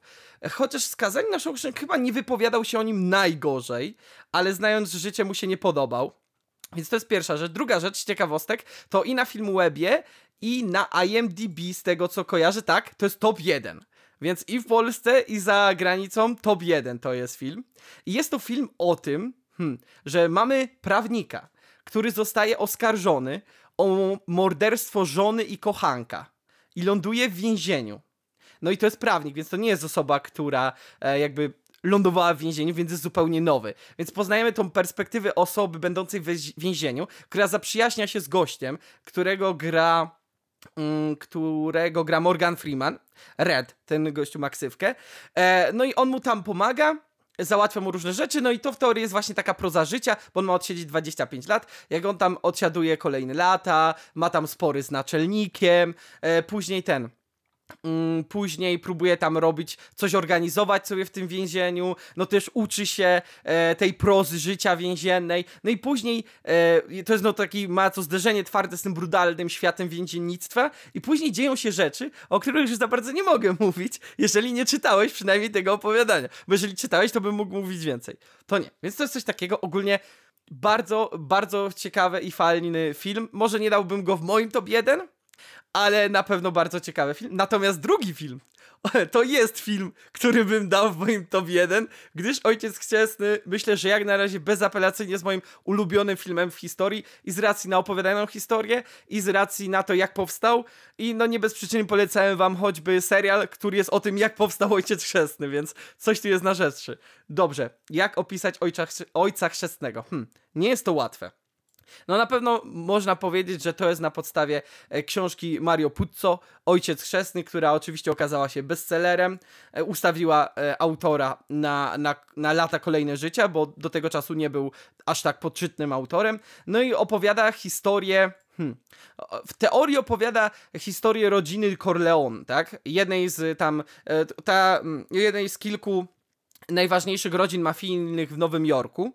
Natomiast tak naprawdę to jest historia, która opowiada e, życie i historię y, głównego, głównego bohatera, mm, czyli e, Michaela, e, Michaela Corleone, tak? W jedynce jest bardzo dużo świetnego Marlona Brando, który gra jego ojca, czyli Don Vito Corleone, który jest jakby szefem mafii, ale wszystko polega na tym, że jest sobie Marlon Brando, który jest szefem mafii, przychodzi sobie właśnie Al Pacino, który świetnie gra Michaela Corleone, który co ciekawe jest najmłodszym synem, o ile dobrze pamiętam, tak, jest najmłodszym synem i on zupełnie chce się odciąć od rodziny. E, on nie chciał iść, e, raczej jego rodzina nie chciała, żeby on poszedł na wojnę, a on zapisał się do wojska, poszedł na drugą wojnę światową, tam stał się, wiesz, weteranem, wrócił z wojny i wszystko zaczyna się w dniu ślubu córki właśnie Marlona Brando, czyli Don Vito Corleone, a w zasadzie Don Vito, czyli jeśli chodzi, mówimy o aktorze, to jest Marlona i później mamy bardzo długą historię mafijną o tym, że e, rodzina Corleone nie do końca chce narkotyki, ale inne rodziny by chciały wepchnąć, że oni są takim klasycznym, oni wręcz stworzyli, cały film stworzył mit tej y, mafijnej rodziny, który wręcz powraca na przykład w Sopranos jako serialu, gdzie oni by chcieli być jak ludzie w Ojcu Chrzestnym, gdzie ci gangsterzy są tacy, że oni oni, okej, okay, biorą haracza, ale są uczuciowi, im zależy na rodzinie i tak dalej, i tak dalej. I w tym wszystkim oglądamy tego Michaela, który na początku zupełnie chce się od tego odciąć, później przez splot historii musi zacząć rządzić tą rodziną, chociaż nie chce tego robić. I widzimy jak ten początkowy Michael na końcu już, jeszcze oczywiście mamy dwójkę i trójkę, ale już na końcu tej jedynki zaczyna wpadać w tą spiralę bycia tym, kim nigdy nie chciałby się stać. I to jeszcze wszystko skompresowane w tej historii o mafii, jakby arcydzieło, już nie mówiąc o tym, jak to jest wizualnie pokazane a gra aktorska, gra cieniami. E, to jest jeden z pierwszych filmów, gdzie tak mocno się cienie wykorzystywało do tego, żeby podkreślać pewne rzeczy, że e, Don Vito zawsze jest w tym cieniu. Ty ledwo oczy widać, bo masz pod powieki tutaj, raczej pod, e, pod nos cień. To jest ten klimat narzucony, on głaszcze tego kota i mówi hmm, teraz przychodzisz w dniu ślubu mojej córki, tak? A wcześniej uważałeś mnie tam za mafioza, ale teraz jak potrzebujesz coś załatwić, to przychodzisz do mnie. Jakby klimat się wręcz wylewa. Okej. Okay. Brzmi to ciekawie i szczególnie, że e, Mafia jest jedną z moich ulubionych gier takich singleplayerowych, w którą grałem. E, gra się nazywa Mafia. To pewnie ja bym tutaj wybrał e, Godfathera w tym momencie. No, Jakoś bardziej, szczególnie, że opis mi bardziej podszedł. No to ja nie mogę powiedzieć, że robię to, no. wiesz, no jakby jakby ja też mam emocje, jak się okazuje. No, no tak, bardziej, Musisz to trochę brać mnie, pod uwagę na pewno. E, jasne, ale bardziej mnie zainteresował po prostu ten klimat mafijny i właśnie ja lubię tą fabułę, że oni się czują właśnie w rodzinie, jak w tej w mafii, jak w rodzinie. E, lubię takie klimaty, więc e, wybierę Godfathera w tym momencie. Okej, okay, i ja tylko tutaj muszę podkreślić, bo mówiłeś o mafii w sensie grze, no to tutaj jest ta różnica, że jednak w mafii, w grze zazwyczaj jesteśmy na tym bardzo, bardzo niskim szczeblu, nie?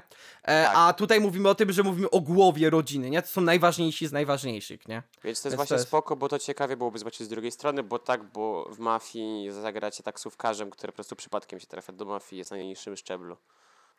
E, dobrze, to przechodzimy do kolejnego legendarnego pojedynku, bo innych pojedynków tutaj oczywiście nie będziemy mieć. Czyli pierwsze mamy Matrix.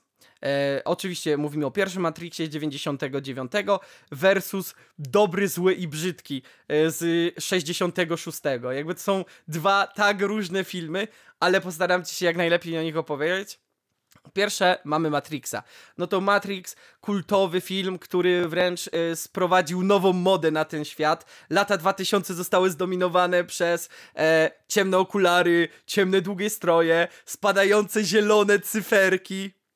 I te wszystkie rzeczy związane z Matrixem, wybór między czerwoną a niebieską pigułką. Matrix, film, który e, był niby filmem o Matrixie, o technologii, ale z drugiej strony ludzie pisali rozprawę o tym, jak to jest film o e, mesjanizmie i o tym, jak Neo nawiązuje do Chrystusa. Jakby to tam głęboko ludzie zaczęli kopać. W skrócie, hmm, najprościej mamy hakera komputerowego, Neo właśnie, który jest super hakerem i w, jakby śledzi historię jakby takich jeszcze lepszych hakerów, tak mu się przynajmniej wydaje, i tytuł i Morfeusza, tak? I gdzieś tam słyszał o Matrixie i nagle okazuje się, yy, że spotykają go ludzie, którzy mówią mu, że świat, w którym żyje, tak naprawdę nie istnieje i to wszystko to jest jedna wielka symulacja komputerowa, a on właśnie jest wybrańcem, który ma zniszczyć Matrix i stać yy, i zrobić to, żeby świat był po prostu, żeby prawdziwy świat powstał i był yy, lepszym miejscem, bo tak naprawdę prawdziwy świat to rządzą w nim maszyny i jest zupełny rozwał, ludzie muszą się chować tam bardzo blisko skorupy ziemskiej. To jest pierwsza część, tak no, to nie są jakieś mega spoilery, bo to są rzeczy, które w miarę szybko wychodzą, nie? To nie są jakieś e, tutaj ten. No i oczywiście są maszyny, które walczą z nim, więc ogólnie dużo akcji, dużo akcji, ale też jak jeśli chcieć się wciągnąć, to te rozkminy egzystencjonalne są jak najbardziej tam, e, tam schowane. Mm, to Matrix. A jeśli chodzi dobry, zły i brzydki, to jest zupełnie inna para kaloszy, bo mamy Clint'a Eastwooda i no jeden z chyba najpopularniejszych e, filmów z kategorii spaghetti western. Oczywiście tutaj Ser, e, Sergio Leone, jeśli chodzi o reżyserię i obstawiam, że jeśli chodzi o udźwiękowienie, to e, wypadł mi teraz z głowy ten pan, ale on zazwyczaj m, mm, ten e, soundtracki nagrywał do wszystkich najpopularniejszych takich westernowych, e, westernowych mm, e, produkcji. E, teraz nie jestem w stanie tutaj sobie szybko znaleźć, jak ten pan się nazywał. Dobrze, może Kubok znajdzie, a ja za ten czas będę opowiadał. E, Hmm, dobry, zły i brzydki. W skrócie, typowy spaghetti western, jeśli znacie gatunek, czyli mamy Clint'a Eastwooda, który e, gra sobie pana kowboja i jaki, musi być tytułowy dobry, zły i brzydki więc on ma jeszcze do tego dwóch kompanów, których zdobywa, bo chodzi o to, e, że wszyscy w trójkę starają się dotrzeć do ukrytego tak przez wojsko skarbu. Mm, no i oczywiście jest dobry, e, jest brzydki, no i po, e, po łapach, że tam powiem, depcze im zły. Mamy dużo tego takiego typowego, klasycznego, kowbojskiego klimatu. Właśnie też epicka taka ścieżka dźwiękowa. To słynne Wow, wow, wow, wow, wow, wow. No i tak dalej, i tak dalej. Na pewno to kiedyś słyszeliście. Dokładnie. Trzy osoby stojące o. naprzeciwko siebie w trójkącie i każdy celuje z dwóch pistoletów do dwóch pozostałych. Na środku wykopany grób, to już było memowane w tak, raczej yy, dziura wykopana. To już było memowane w tak wielu, yy, w tak wielu filmach i serialach, że ciężko tego nie kojarzyć. Jeżeli jakby ten film myślę, że wystarczy, żeby zobaczyć cały schemat powstawania właśnie spaghetti westernów, czyli dlaczego spaghetti western, bo nagrywało się we Włoszech, bo było zdecydowanie taniej, e, a tam były dobre, dobre, dobre klimaty do tego, żeby to nagrywać. To trwa 3 godziny prawie. No na czas nie patrz, hopie, nie możesz nie, na to. okropne. W sensie generalnie ja nie jestem fanem westernów, więc tutaj wybiorę film, e, za który kiedyś, jak pracowałem w UK w Ceksie, który jest second handem, to jak szef się dowiedział, że nie oglądałem Matrixa, to jest second hand z technologią, filmami, grami, powiedzia- przyznałem się, że nie widziałem Matrixa, to powiedział, że muszę obejrzeć, bo mnie zwolni. Nie pracuję już w Ceksie, jakby co. Więc Dobrze, e, ja tylko jasne. Ja tylko chciałbym e, tutaj, bo sprawdziłem sobie, e, autor muzyki to oczywi oczywiście wypadło mi z głowy, ale to oczywiście Ennio Morricone. Na pewno tego pana możecie kojarzyć, bo gościu mega dużo soundtracków dobro, do, dobrych tworzył, nie? Eee, Okej. Okay. No rozumiem. Ja nie przypadam za westernem jakoś bardzo, nie do końca siedzi mi ten klimat, e, a e, klimaty hakerskie są zdecydowanie mi bliższe, dlatego zdecydowanie pójdę w spadające cyferki i pigułki. Y, jasne. Oczywiście powiem, że y, no ja też może nie jestem jakimś super fanem y, właśnie westernów, ale dobrego, złego i brzydkiego obejrzałem, bo to jest właśnie taka klasyka, która może ci podsumować e, całą, całą kategorię wręcz. No i jakby ten e, Clint Eastwood robi robotę, bo wygląda jak Clint Eastwood i zachowuje się jak Clint Eastwood, tak? Dobrze, to idziemy Ale dalej. żeby trzy godziny, żeby się musiał tak zachowywać, no bez przesady też. Ile, ile można te, tych kurzyków na, na tym na pustyni oglądać, jak się turlają i strzelają do siebie w kapelusze. Oj, powiem ci, że wciąga klimat. Wciąga jednak te trzy godziny przelecą, przelecą. Dobrze, i kolejny mocny fight. 7 yy, versus 12 gniewnych ludzi. No nie będę ukrywał, że 12 gniewnych ludzi to jest. Hmm, nie wiem, czy nie moje top 3, bo nigdy sobie nie układałem tego, ale na pewno wysoko, jakbym miał topkę układać. 7 też spoko ale jednak, e, jednak 12 gniewnych ludzi na pewno mi bardziej podchodzi, tak? Proszę bardzo. To ja tylko powiem, że wydaje mi się, że już mam wybór i jestem ciekawy, czy się zmieni e, e, bazując na twoich opisach. To jest mega interesujące. Dobrze, to 7 to można powiedzieć taki turbo klasyk, który myślę, hmm, nie wiem czy nie stworzył, bo to mamy 95. Może się ktoś wypowiedzieć, ale wydaje mi się, że e, uznaje się go, że jednego z twórców e, całej kategorii filmów, jakim jest Buddy Cop, tak to się chyba nazywa, że mamy dwóch policjantów czy dwóch detektywów, którzy rozwiązują jakąś sprawę. Okej. Okay. E, czyli właśnie mamy dwóch, jednego, mamy sobie brata Pita, który przyjeżdża e, do miasta i mamy właśnie, znów powraca nam e, Morgan Freeman, który gra już takiego detektywa, który zna życie i wie jak to jest by, być detektywem, e, czyli typowy właśnie taki układ. No i on dostaje, e, on dostaje właśnie tego brata Pita, no i muszą rozwiązać zagadkę, zagadkę morderstwa. Bo okazuje się, że istnieje seryjny e, morderca, który ma klucz, y, który zabija według siedmiu grzechów głównych bo właśnie do tam każdej osoby pisze tam nazwę grzechu głównego i na przykład daje zdjęcie. Tam, na przykład e, tam nie wiem, obżarstwo, tak? Albo tam cudzołóstwo i daje zdjęcia, e, zostawia te ofiary, no i próbują to złapać, oczywiście jest rozbudowanie tej historii, później jak próbują go złapać, oni, oni go prawie mają, on ucieka, taki właśnie typowy buddy cop, e, no i to chyba po pierwsze świetny taki klimat takiego właśnie kryminału, thrilleru, no i też zakończenie, które jest wręcz ikoniczne i, i, klasyczne Open the box! Open the box! A w zasadzie don't open the box, to zależy kto krzyczy. No to już nie mogę więcej powiedzieć, bo dla Kuboxa to będzie mega ważne i ja już czuję, że jak on zacznie to współodczuwać e, bohaterom, to go może rozwalić, nie? Ale wbrew pozorom, to 12 Gniewnych Ludzi jest świetnym, jest świetnym e, tutaj e, kontrkandydatem, bo to też jest film, tak jak mówię, ja e, lubię jak się dużo dzieje, nie? E, I 12 Gniewnych Ludzi to jest film mega stary. To jest 57 rok, czyli czarno-biały. E, e, ale krótki tutaj, na plus dla, e, dla Kuboksa, bo półtora godziny. E, w przeciwieństwie do 7, które zaraz sobie spojrzę, ma no trochę ponad dwie godziny. I jakby, jak usłyszałem o tym filmie, to myślę, okej, okay, zmuszę się, żeby to obejrzeć, nie? I nie musiałem się zmuszać, jaki to jest dobry film. Wyobraźcie sobie, że to jest film, który przez półtorej godziny jest o tym, że jest 12 ludzi i rozmawia w jednym pomieszczeniu. To jest film. Cały praktycznie. Ok, później się, na początku się jeszcze pojawia sala sądowa i przez chwilę rozmawiają w łazience. Ale ogólnie wszystko toczy się w jednym pomieszczeniu. I to jest film o tym, że mamy 12 ławników, którzy zostali wybrani, bo to są Stany Zjednoczone, żeby wydać wyrok w procesie o morderstwo. Jest chłopak, który jest tam, podejrzewa się, że zostanie, że zabił kogoś, nie? I to jest jeden z tych stanów, gdzie jest kara śmierci. I wydaje się, że dowody są mega, e, mega obciążające jego. I oni przychodzą, coś tam nawet sobie rozmawiałem, że no w zasadzie to za chwilę jest ten mecz, to przegadajmy to szybko, zagłosujmy e, i jedziemy dalej. I z racji na to, że to jest wyrok śmierci, to wszyscy się muszą zgodzić. I jest tam głosowanie i każdy mówi tak, tak, tak, tak, tak 11 razy i przychodzi ta dwunasta osoba i mówi nie. I od tego się zaczyna cały, yy, cały film. I oni zaczynają rozmawiać o tym i analizować to, całe to morderstwo. I to nie jest tylko rozwiązywanie sprawy jakby samej, ale tam jest poruszone też różne wątki typu rasizm, e, typu e, typu wszystkie problemy, jakie tam w Stanach Zjednoczonych się pojawiały, no akurat rasizm przychodzi jako taki pierwszy, ale nie tylko, nie? E, oczywiście to wszystko są mężczyźni, no bo to są lata 50. E, I cały ten wątek, jak oni tam krok po kroku, każdy za różne sznurki jest ciągnięty, krok po kroku każdego tego się próbuje przekonać i na początku oni go wręcz zach zachukują, że co ty robisz, jakby to wszystko jest oczywiste, klepnij to, idziemy dalej, rozejdziemy się do domu, nie?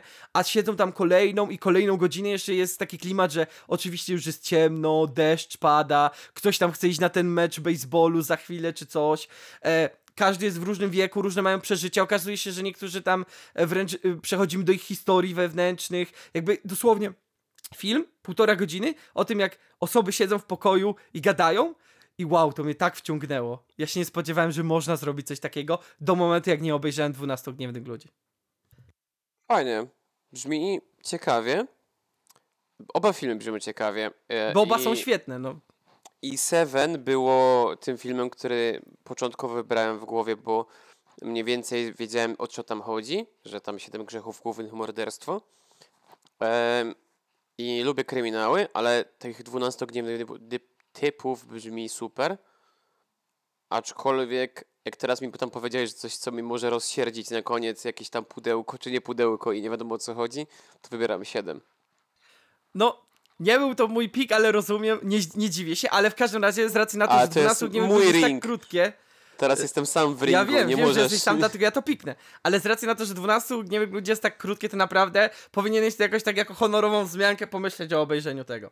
Zobaczymy, jeszcze gdzie ta honorowa powiem- wzmianka skończy, to, to pomyślimy. 12 gniewnych ludzi jest na piątym miejscu, jeśli chodzi o IMDb i jeśli chodzi o e, Filmweb.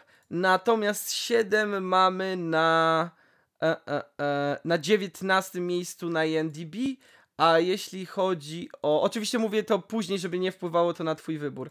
A jeśli chodzi o Polskę, to na 13 miejscu na Filmwebie. Dobrze. Czy to, to, na którym to jest miejsce, to zupełnie nie wpłynie na mój wybór, bo mnie to nigdy nie interesuje. To by mogło nawet E. podświadomie wpływać, więc i tak tego nie będę mówił. Znaczy, ja bym zrobił to odwrotnie prędzej, czyli jak coś jest wyżej, to bym ja bym to dał niżej, bo ja nie lubię jak coś No to tym bardziej nie będę tego mówił. Ale no. To E, już prędzej by tak to zadziałało niż w To w ogóle nie powinienem teraz mówić tak szczerze mówiąc, bo No już powiedziałeś, zdradziłem. No już mówię, ja się się nie zdradziłem. Ja się nie przysłuchiwałem, więc nie pamiętam. W sensie E- specjalnie nie słuchałem bardziej. Słyszałem, że mówisz miejsce, mówię, dobra, to się wyłączę mentalnie. Bo w teorii Więc przecież to będzie jeszcze wracać, więc okej, nie będę mówił do końca, najwyżej później powiem. Nie pamiętam, nie przejmuj się. E, no bo mówiłem, te dwa jeszcze mówiłem tam... E, Mówiłeś, że numerem jeden jest... Skazani na e, Shawshank, no. Tak. Skazani Shawshank jest numer jeden. E, To dobrze, Pamiętam. to mamy teraz, e, wraca Ojciec Chrzestny, więc tu już mniej więcej opowiadałem. Możemy tylko, żeby było ciekawiej, żeby to nie były takie suche piki, to możesz też jakieś dodatkowe pytania zadawać jak chcesz. Obiecuję, że nie będę spoilował, albo jakieś tutaj e, zachęcać mnie do jakichś e, głębszych rozważań. Versus Lot nad kukułczym gniazdem.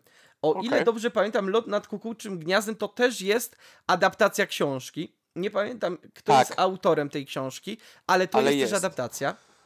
Tak, Gra wiem, tam jeden, może nie z moich ulubionych aktorów, ale na pewno jeden z aktorów, których, których doceniam. Tak jak w Ojcu Chrzestnym jak najbardziej Marlon Brando, Al Pacino to jest topka, to tak samo w Locie nad kukułczym gniazdem Jack Nicholson. E, no, zazwyczaj to też jest e, prima sort pokazanie możliwości aktorskich.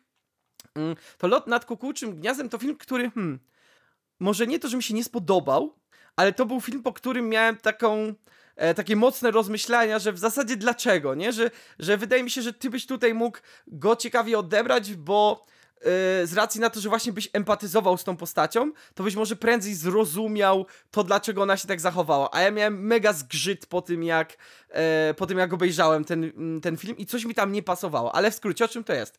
Mamy e, właśnie historię złodzieja, którego gra, który jest głównym bohaterem, którego gra Jack Nicholson. E, I on, nie, ch- on chce uniknąć więzienia, więc udaje niepoczytalność. Przez to trafia do szpitala dla umysłowo chorych. E, no i oczywiście tam, wiesz, znowu mamy case troszeczkę z e, skazanych na Shawshank, więc zapoznaje się z tym, jak się tam żyje, no i na początku wydaje mu się, że jest lightowo i tak dalej, i tak dalej, ale mamy tam właśnie jedną siostrę, e, siostrę Ratchet, e, Ratchet, Ratchet chyba tak się nazywa, i ona e, rządzi taką twardą ręką e, w tym w tym całym ośrodku. I no i to jest, w teorii niby się wydaje, że to jest, a, taki trochę humorkowy, o tym, że on tam walczy z tą siostrą, stara się jej zrobić na złość, ona się stara, e, tam u, też y, oczywiście e, ten, żeby, żeby był spokój, on tam poznaje jakby swoich przyjaciół, oni rzeczywiście wszyscy, no, mają problemy e, ze swoją psychiką, e, on nawiązuje z nimi relacje, Mm, no i później dzieją się rzeczy, no i później dzieje się grubo. On oczywiście tam próbuje uciec e, i później dopiero dzieje się grubo, ale tak, tak poważnie grubo. Już nie chcę dalej mówić, bo, bo bym musiał spoilować.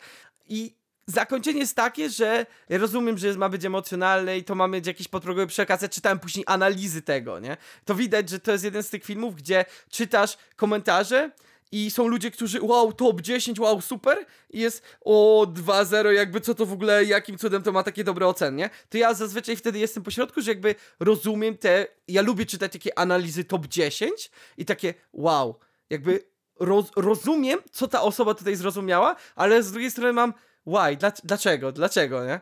Ale wydaje mi się, że to może być ten mój aspekt tego właśnie empatycznego, a w zasadzie braku tego empatycznego spojrzenia. To, to jest też coś, e, co fajnie nam nawiązuje do tego, o czym rozmawialiśmy, co nie do końca poruszyliśmy wcześniej. Okej.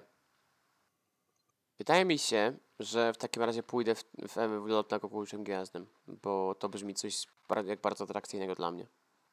No to, to po prostu z bólem serduszka nie klikam tego ojca chrzestnego, no naprawdę. To, jest... to jakby, no, ja jestem dalej mega zaciekawiony tym ojcem chrzestnym, ale ten lot nad kukułczym gniazdem, tym emocjonalnym podejściem i że to jest jakaś tam gruba, fabularna historia emocjonalnie, no to muszę pójść w to, bo nie wiem, czy tak bym się odnalazł bardzo w tym locie nad kukułczym gniazdem. Potem to gdzieś ciekawe zabrzmiało bardzo. Nie wiem, tak kliknęło mi. No dobrze, no właśnie też o to w tym chodzi, że e, ja to oglądałem, jak to opisuję, a ty bierzesz to pod uwagę, więc... Skąd ten tytuł? To mnie bardzo interesuje. Bo ten tytuł brzmi tak bardzo losowo, ale to nie musi to Widziałem jakieś analizy skąd ten tytuł i to się nawet pojawia w filmie, ale ja już to dawno oglądałem, więc ten. Po prostu to mnie też zaciekawiło. Skąd ten tytuł? Dobrze, to mamy znów dwóch nowych pretendentów, czyli Chłopcy z Ferajny. Mm, kolejny klasyczny mafijny film. Mm, versus Pulp Fiction, czyli chyba najpopularniejszy, jak widać, najpopularniejszy film Quentina Tarantino, który moim zdaniem już od jakiegoś czasu uważam, że wcale nie jest jego najlepszym filmem, ale chyba musiałbym go obejrzeć jeszcze raz. Już od jakiegoś czasu się e, zachęcam do tego, żeby obejrzeć go po raz drugi, bo może czegoś za pierwszym razem nie zauważyłem, bo moim zdaniem on jest przehajpowany, tak? Ale to jest moje skromne zdanie i sam siebie zastanawiam, czy się nie mylę. Więc proszę mnie tutaj nie hejtować.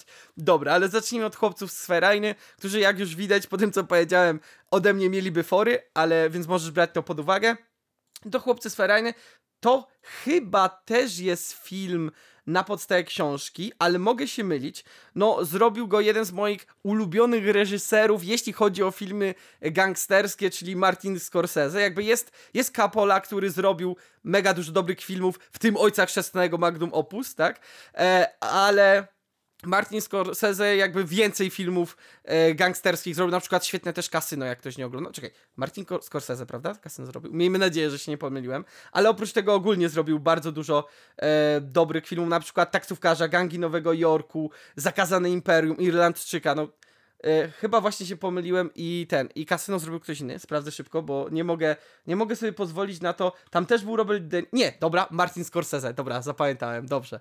E, to kasyno też oczywiście polecam, ale my nie o tym. Chłopcy sferajne, e, czyli Goodfellas. No to powiem Ci, że to jest prędzej Mafia 1. Ja myślę nawet, że jeżeli grałeś Mafię 2, to Mafia 2 była wzorowana trochę na Goodfellas, moim zdaniem. Czyli to o. jest właśnie film, gdzie mamy o. gościa, który okay. nie jest Włochem, per se, więc on nie może aż tak dołączyć yy, do mafii, nie? Ale właśnie okay. mamy dwóch gości, którzy trafiają pod opiekę gangstera i uczą się reguł panujących w mafii i widzimy to całe życie pokazane, gdzie oni się stają tymi gangsterami. Im się to podoba, bo są szanowani. Później mają żony. Później typowe, co się mówiło o gangsterach e, w, z mafii to już są późniejsze lata, z tego co pamiętam. Nie tak jak ojciec chrzestny, że po II wojnie światowej, tylko bliżej lat e, tam 70., 80., 90., że oni mają żonę, ale oczywiście muszą też mieć kochanki nie? i żyją tym gangsterskim życiem pełną piersią i później to powoli zaczyna, jakby przychodzą konsekwencje tego wszystkiego, nie? Więc to jest taki niby fajny film, niby ma fajny przekaz, no i y, też są różne charaktery tych, tych głównych postaci, czyli właśnie mamy Mamy tego Roberta De Niro, który gra tego prawdziwego gangstera. E, mamy właśnie Reya Lotę, który no, już nie żyje, który gra Henry'ego, czyli jednego z tych bohaterów, którzy e, wchodzą e, do mafii. No i mamy też y, Tomego DeVito, czyli Joe Pesci. Myślę, że rola Joe'a, Joe'a Pesci, Joe'ego Pesci jest mega pamiętana nawet wśród ludzi, którzy nie oglądali e, właśnie Goodfellas, gdzie on tam jest tym e, chłopem, co tam ktoś się do niego przyczepia, on zaczyna klnąć, kląć, kląć, tam do kogoś strzela, nie? To jest mega, myślę, takie w pop kulturze popularne. W ogóle to był jeden chyba z tych filmów, gdzie Joe Pesci się wybił jako ten taki e, chłop, co dużo klnie, jest taki niski, mega dynamiczny. No on też przez to później chciał właśnie zagrać tym, w Kevinie samym w domu, żeby trochę y, zmienić swoje y, wygląd w popkulturze. E, no, więc myślę, że tak skrótem, żeby nie, żeby nie spoilować, to, to chłopcy, do, e, to właśnie chłopcy sferajny. I to jest film, który też chciałbym obejrzeć, ale ostatnio, e, o, a nie, właśnie on był jakiś czas temu na Netflixie, ale później spadł i teraz widzę, że jest na Prime, ale w formie wypożyczenia, a nie normalnie w Prime. Więc trochę słabo. Czekam aż on wróci na jakiś serwis streamingowy. Z chęcią chcę to obejrzeć po raz kolejny. E, ale to tak jak mówię, to też jest łatka tego, że ja lubię ogólnie gangsterskie kino bardzo, nie? Bo ono dla mnie ma i klimat, i zazwyczaj ciekawą historię. A teraz z drugiej strony Pulp Fiction, który wbrew pozorom też ma trochę gangsterski klimat, nie mafijny, bardziej gangsterski klimat. E, no, typowy film Quentina Tarantino, można powiedzieć, a w zasadzie typowy to złe określenie przy Quentinie Tarantino. mm. To ja powiem tylko tyle, że możesz się odnosić. Widziałem e, Kill Billa. To możesz się odnosić w kwestii tego. Nie wiem, czy Kill Bill jest typowym filmem Quentina Tarantino, ale widziałem Kill Billa. Kocham jest Kill dużo Billa. więcej akcji i nie. My się wydaje, że to nie jest takie to, co ludzie uważają za typowo Quentino Tarantinowe, powiedzmy, ale no też jest, jakby widać to, te pewne takie smaczki, nie? Do Pulp Fiction mamy właśnie w skrócie kilka historii puszczonych równolegle, które się przeplatają.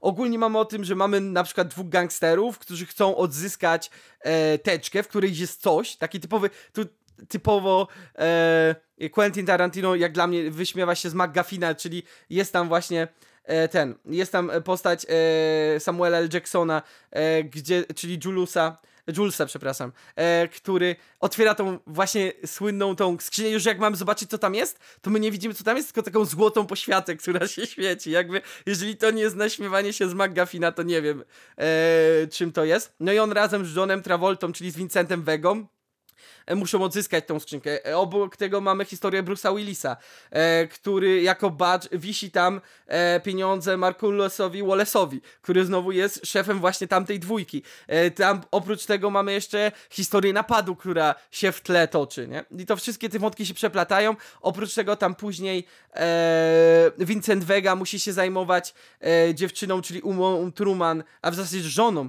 Markelusa e, Wallace'a. Ona z nim znowu filtru, y, tak, filtruje z nim, no.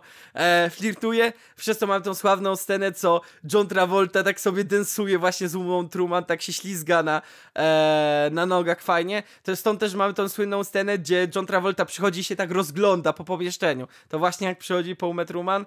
E, stąd też mamy scenę słynną, jak e, John Travolta rozmawia z Vincentem Vegą, bo jeden z nich wrócił tam z Europy i rozmawiałem o tym, jak się nazywa ten, e, jak się nazywa tam e, ćwierć, fun, ćwierć funciak z serem, nie? Że tam jest e, e, Royal with cheese, że nie może być tylko musi być Royal, nie? I tam jest cała scena wokół tego, więc to jest, no... Pulp Fiction to jest przeżycie. Jak tak teraz o tym gadam, to tym bardziej chciałbym to teraz obejrzeć, bo wydaje mi się, że trochę właśnie ze złej strony podchodziłem do oglądania tego, że do tego się nie podchodzi jak po prostu do opowiadania historii, tylko do pewnych scen i ich odebrania w, w pewnej przedstawionej rzeczywistości. No i znów e, smutam, bo wchodzę i patrzę, że nie ma tego nigdzie łatwo dostępnego w jakiejś platformie streamingowej, tylko jest wypożyczenie na Prime. Wiem, że kiedyś było na Netflixie, ale może, może wróci, miejmy nadzieję, bo tak jak mówię, to chciałbym sobie przypomnieć jeszcze raz i może inaczej bym to odebrał. Bo jeśli chodzi o ludzi, to definitywnie jest najlepiej oceniana, e, najlepiej oceniany film Quentina Tarantino. Co robi John Travolta, który był w Grisie w jakimś Pulp Fiction? O co chodzi? Przecież on miał tańczyć i mówić są ten i tam jakiś Summer Nights. No to tańczy tutaj. tam. Wszystko się zgadza. Tańczy w Pulp tak, z Fiction? Umą Truman. Super. No to ewidentnie wybieram Pulp Fiction, szczególnie jeżeli Godfellas jest jak e, Mafia 2, to tego nigdy nie obejrzę, bo Mafia 2 jest beznadziejna. Nie zgodzę się z tym. Mafia 2 to jest świetna gra i ma bardzo dobrze ułożoną fabułę, więc ja się z tym nie Mafia zgodzę. 2 jest dużo gorsza niż Mafia 1, jest krótsza, jest krótsza od Jest Mafii 1 inna. i jest To jest zupełnie inna jest- historia.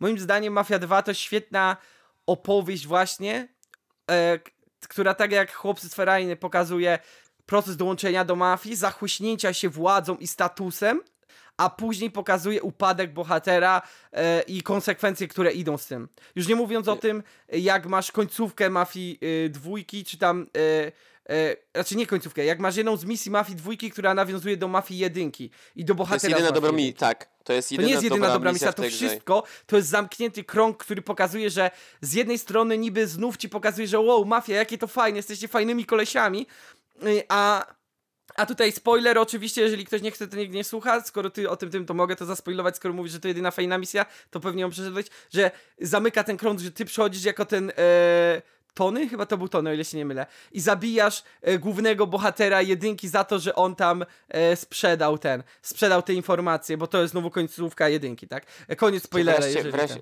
ten. wreszcie, wreszcie mi się udaje go złapać, tak. E, więc to jest wow, no dla mnie to było przeżycie Mafia dwójka. Tak samo jak Chłopcy z Ferrari, ale Chłopcy z Ferrari są lepsi, nie? Tam jest na przykład pokazany cały obrzęd włączania do mafii, przynajmniej tak jak ludziom się wydaje, że No. e, palą ten, e, palą ten święty obrazek i tak dalej. Odpływamy trochę, ale no ja się nie zgodzę z tą Mafią dwójką, no niestety, więc wybiorę tym bardziej e, Pulp Fiction. Chcę przeżyć to, dlaczego Don- John Travolta jest tu i o co chodzi z memami. No dobrze, ja już wiem tylko, że to na pewno nie byłoby moje top 10. No tak, bo to jest moje top 10. To, ja to nie jest twoje top dzisiaj bi- 10, to jest twój Nie, to jest- top 10 watchlist. To jest top 10 watchlist. Ja dzisiaj ja jestem bity w ringu, a ciebie tam nawet w nim nie ma. Ty jesteś sędzią i walisz dzwonek. Tak, ty po prostu teraz jak też, jak będziesz miał ochotę obejrzeć serial, a nie, znaczy nie serial, tylko film, a nie serial czy anime, to musisz z tej listy oglądać po kolei. O nie, to jest pułapka. E, Spokojnie, nie przejmujcie się wizjonerzy. Za jakieś cztery odcinki zrobimy to samo, tylko zrobimy to z anime do Pushina. Oj, ale to tak nie może być, bo anime jest dłuższe. Ja ci maksymalnie 3 godziny To nie tutaj jest- proponuję. Ja też. To co, będziesz Jeżeli filmy ser- anime mi puszczał? Jeżeli seria ma 12 odcinków, które trwają po, 12, po 20 minut, to ile ci wychodzi czasu? Okej, czyli jeden sezon musiałbym obejrzeć. Dobra, dobra. Tak. A tylko... Hmm. Ja Ja, nie myślę, oglądam boję się, że tam będą Nie okruchy rzeczy. Ty, ale też musisz zrobić top ten, tak samo jak ja. Że nie ty wybierasz, tylko bierzemy Nie, top nie, ten. nie. Ja ci nie powiem, co ja zrobię, ale zrobię coś fajnego, spokojnie. Nie, bo ja się boję, że jak ty będziesz wybierał, to wrzucisz tak, Nie że ja się będę męczył. Nie przejmuj się tym na razie. Bo wiem, że jak mi weźmiesz top ten, to ja znam trochę rzeczy, jakie się mniej więcej pojawiają i wiem, że jest szansa, że coś mi się spodoba. To, a to czyli chcesz, żeby wziął stop ten i będziesz utknięty na tysiąc odcinków? No chyba nie. Czy nie, no... Jakby da się No chyba tak. powycinać rzeczy, które widziałem i rzeczy, które są za długie, nie? I iść po prostu Mm. od góry. Spokojnie. E, Pomyślimy o tym kiedy indziej, to nie jest temat na teraz. Dobra, ja coś czuję, że będę musiał chyba odpalić klauzulę sumienia w przypadku niektórych tych serii, ale zobaczymy. Dobra, to jedziemy dalej. To Matrix. No to o nim już rozmawiałem, ale pamiętaj, jak zawsze możesz dopytywać, żeby coś się tutaj działo. Versus Podziemny Krąg. Czyli Fight Club, czyli film, o którym rozmawialiśmy ostatnio. Film, od k- który oglądałem, wiedząc jaki jest główny plot twist, który jest mega, mega istotny i dla niektórych zmienia w ogóle wszystko o 180 stopni. Film, który w teorii jest taką krytyką kapitalizmu i stara się pokazać to, jak ludzie, w tym przypadku mężczyźni, szukają sposobu na spełnienie się i sprawdzenie, raczej znalezienie e, tego, czy w ogóle coś znaczą, czy ich życie coś znaczy. E, czyli zaczynamy od tego, że mamy cierpiącego właśnie na bezsenność mężczyznę, e, którym, którego gra Edward Norton. I on, szczerze mówiąc, chyba nawet nie ma imienia. Jego imię się nie, powta- nie, nie, nie, nie pojawia. Mm. E, I e, ten właśnie oto e, narrator, jak jest przedstawiany. E, a nie, mamy Tylera Durena. To nie wiem, czemu jest opisany jako narrator, czyli jest Tyler. Dawno to oglądałem, mogłem nie pamiętać. No i on właśnie e, gardzi tym konsumpcyjnym stylem życia e, i szuka czegoś innego, jakby, nie? No i tam próbuje chodzić na przykład po terapiach, żeby on specjalnie chodzi na terapię ludzi, którzy mają raka, o ile dobrze pamiętam, żeby móc współodczuwać y, emocje z nimi, żeby coś się działo, nie? E, Więc szuka Okej. tych różnych sposobów, aż poznaje, jakby można powiedzieć, drugiego głównego bohatera, e, którego gra Brad Pitt, czyli Tylera, y, głównego bohatera. I ten. E, I zaczyna ten. No i zaczyna z nim właśnie wchodzić w te. Wchodzić w te kontakty i on mu właśnie pokazuje ten tytułowy podziemny krąg, tak? Gdzie jest pierwsza zasada, nie mówimy o kręgu. To jest pierwsza zasada. Gdzie tam po prostu się mężczyźni spotykają, e, żeby się po prostu bić e, po twarzach, nie? No i jemu się to tak podoba, że wreszcie ma cel w życiu i później okazuje się, że to wszystko zaczyna ewoluować, e, ta instytucja podziemnego kręgu, że później wszędzie zakładają te podziemne kręgi, tam się cuda, cuda, cuda dzieją, aż do eskalacji głównego plot twistu w, e, w samym w samym finale, tak? Gdzie mamy tego Edwarda Nortona i właśnie Brata Pitta i tą relację między tymi dwoma postaciami. Okej, ciekawe. Chyba wezmę Fight Club w tym momencie właśnie, bo brzmi to interesująco. No ale tak jak ci mówię, y, nie czytaj nic na ten temat wcześniej, bo bardzo łatwo możesz wyłapać y, plot twist główny. To ci mówię od razu. Dobrze. No ja nie czytam, nie czytam. Dobrze, e, no to już wracam. Teraz już chyba pojawiły się już chyba wszystkie. Chyba wszystko było tak, tak, tak więc teraz Raz, już po prostu to tak, to było, to było, to było, to było, to było, to było, to było, to też było, to było I to też, tak. Czyli wszystko już mamy. To teraz skupiamy się już tylko na tym, co było. E, więc tym bardziej możesz prosić o to, żebym coś więcej na przykład powiedział albo coś poruszył, żeby to nie było takie suche klikanie, tylko lewo, prawo, lewo, prawo. Dobrze, to lot nad kukułczym gniazdem, albo może sam jakieś tutaj e, przemyślenie możesz posnąć. E, versus 7. Oj, kurczę, i teraz jest ciężko, bo mamy taką emocjonalną historię gdzieś tutaj w tym lecie nad kukułczym gniazdem, z tego co zrozumiałem.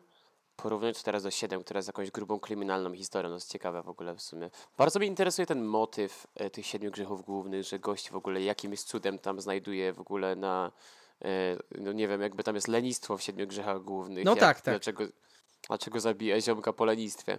Ciekawe to jest w sumie. Czyli tak naprawdę to nie to jest największym plot twistem, no ale No. jakby ten.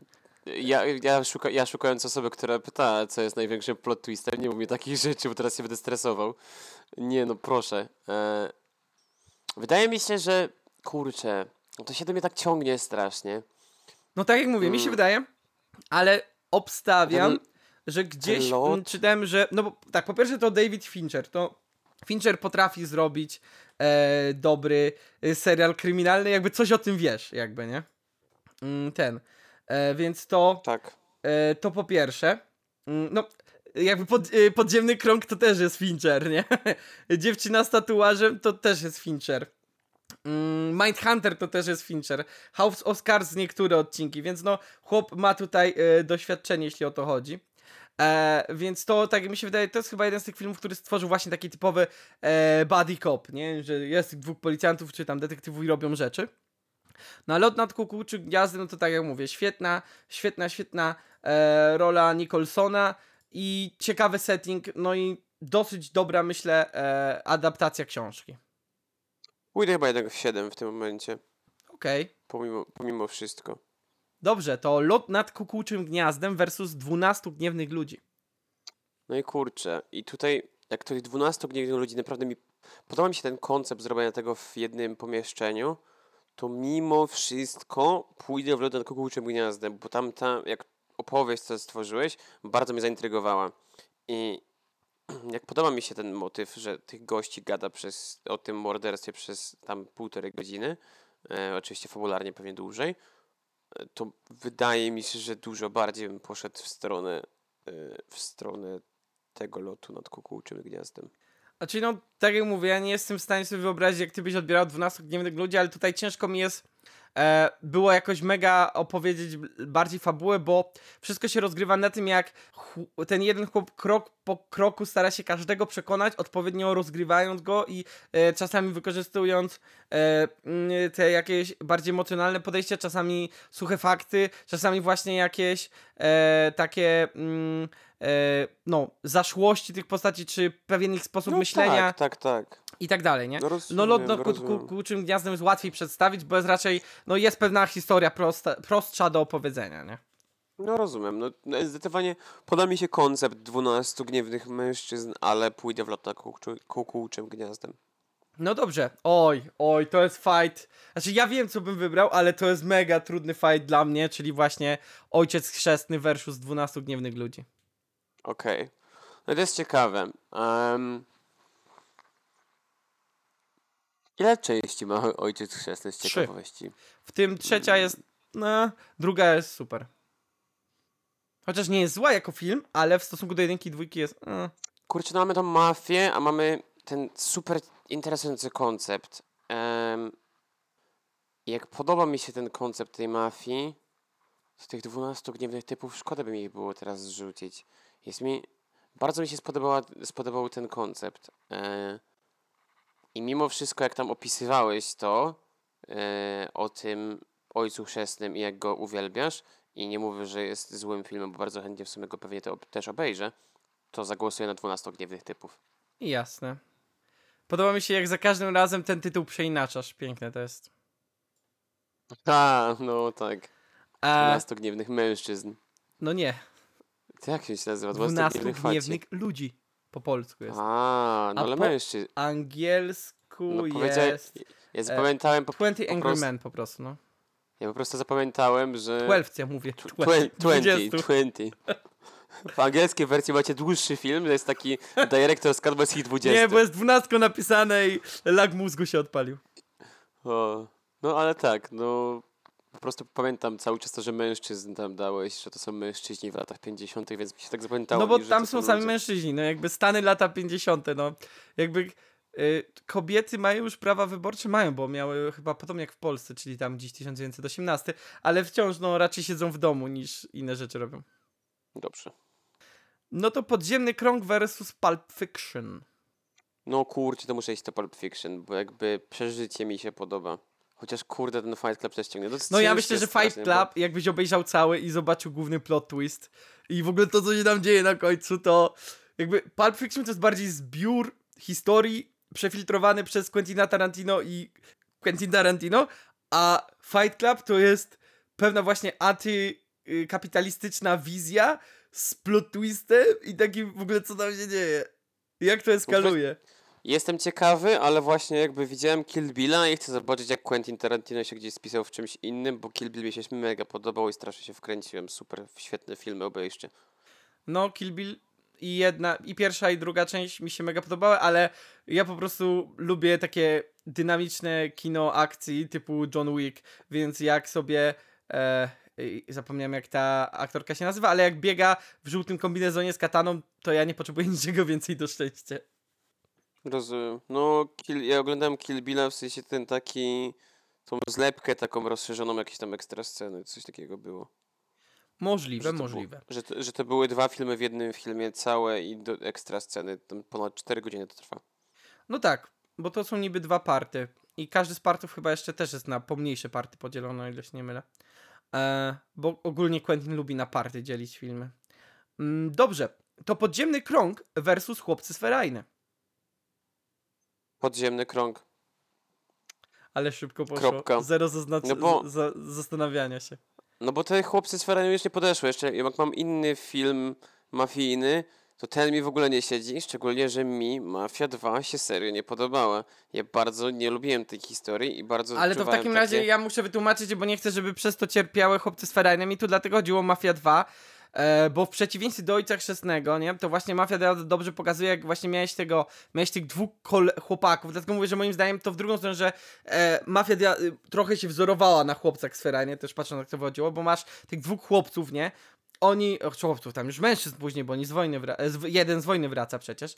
E, I oni właśnie na początku tam robią jakąś robotę, bo widzą, że ci gangsterzy są tacy go- bogaci, później próbują się wkręcić w tą robotę, tam robią coraz, coraz kolejne taski. Mi się wydaje, że pracują dla nikogo, dla kogoś tam super ważnego, a tak patrząc z perspektywy ojca chrzestnego, to oni chyba, na- nie wiem czy dla Capo nawet pracowali, czy tam nie dla jakiegoś, nie, chyba dla Capo, bo dla Soldate to ten, ale ten, i, oni tam próbują się piąć, nawet się nie mogą za bardzo wpiąć, bo jeden nie do końca jest Włochem, e, mają niby to swoje życie, ono się rozbudowuje, rozbudowuje, niby jest fajnie, fajnie, co też jest właśnie też w, w, e, w tym, Mafii dwójcie. Później to się wszystko rozpada, nie? Więc to bardziej o to mi tutaj chodziło, nie? To, Okej. to, ten No, schemat, ale- wiesz, od zera do bohatera i z powrotem, tylko ten bohater to taki bardziej antybohater.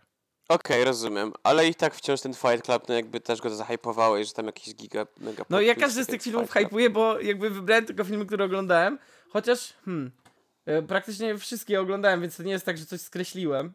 E, Mi jest tutaj. smutno, że, że zostały skreślone filmy, które oglądałem, bo chciałbym, żeby teraz wylądowały wyżej, bo ja bym jeszcze raz obejrzał Foresta Gampa, nie będę kłamał. No ale to, by, to Bo- nie o to w tym chodzi, nie? To No nie tak, jest lista tak, tak rewatchu.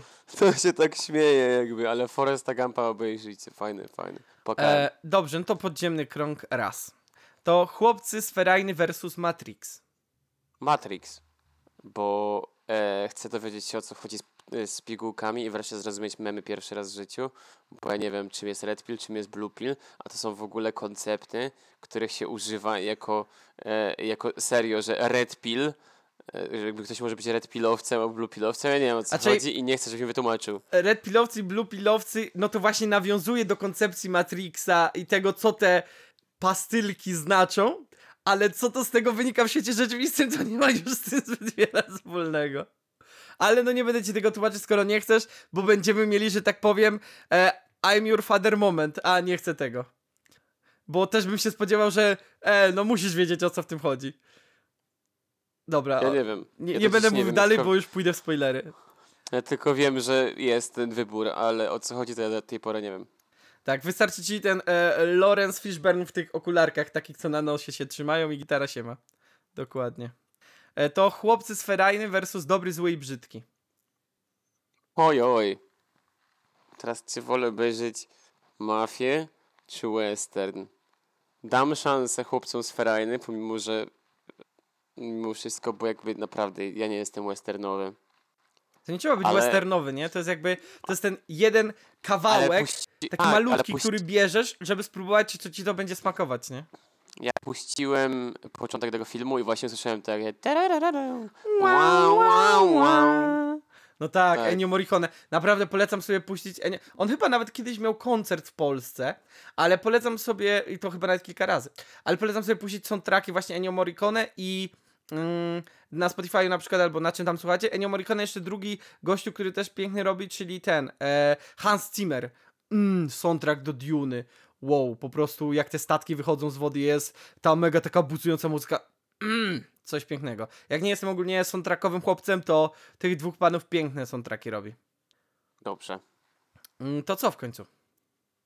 No, e, wbiorę chłopaków z A, Ferajny. to jak, y, jak, czyli definitywnie, dobrze. Tak. E, to Pulp Fiction versus 7.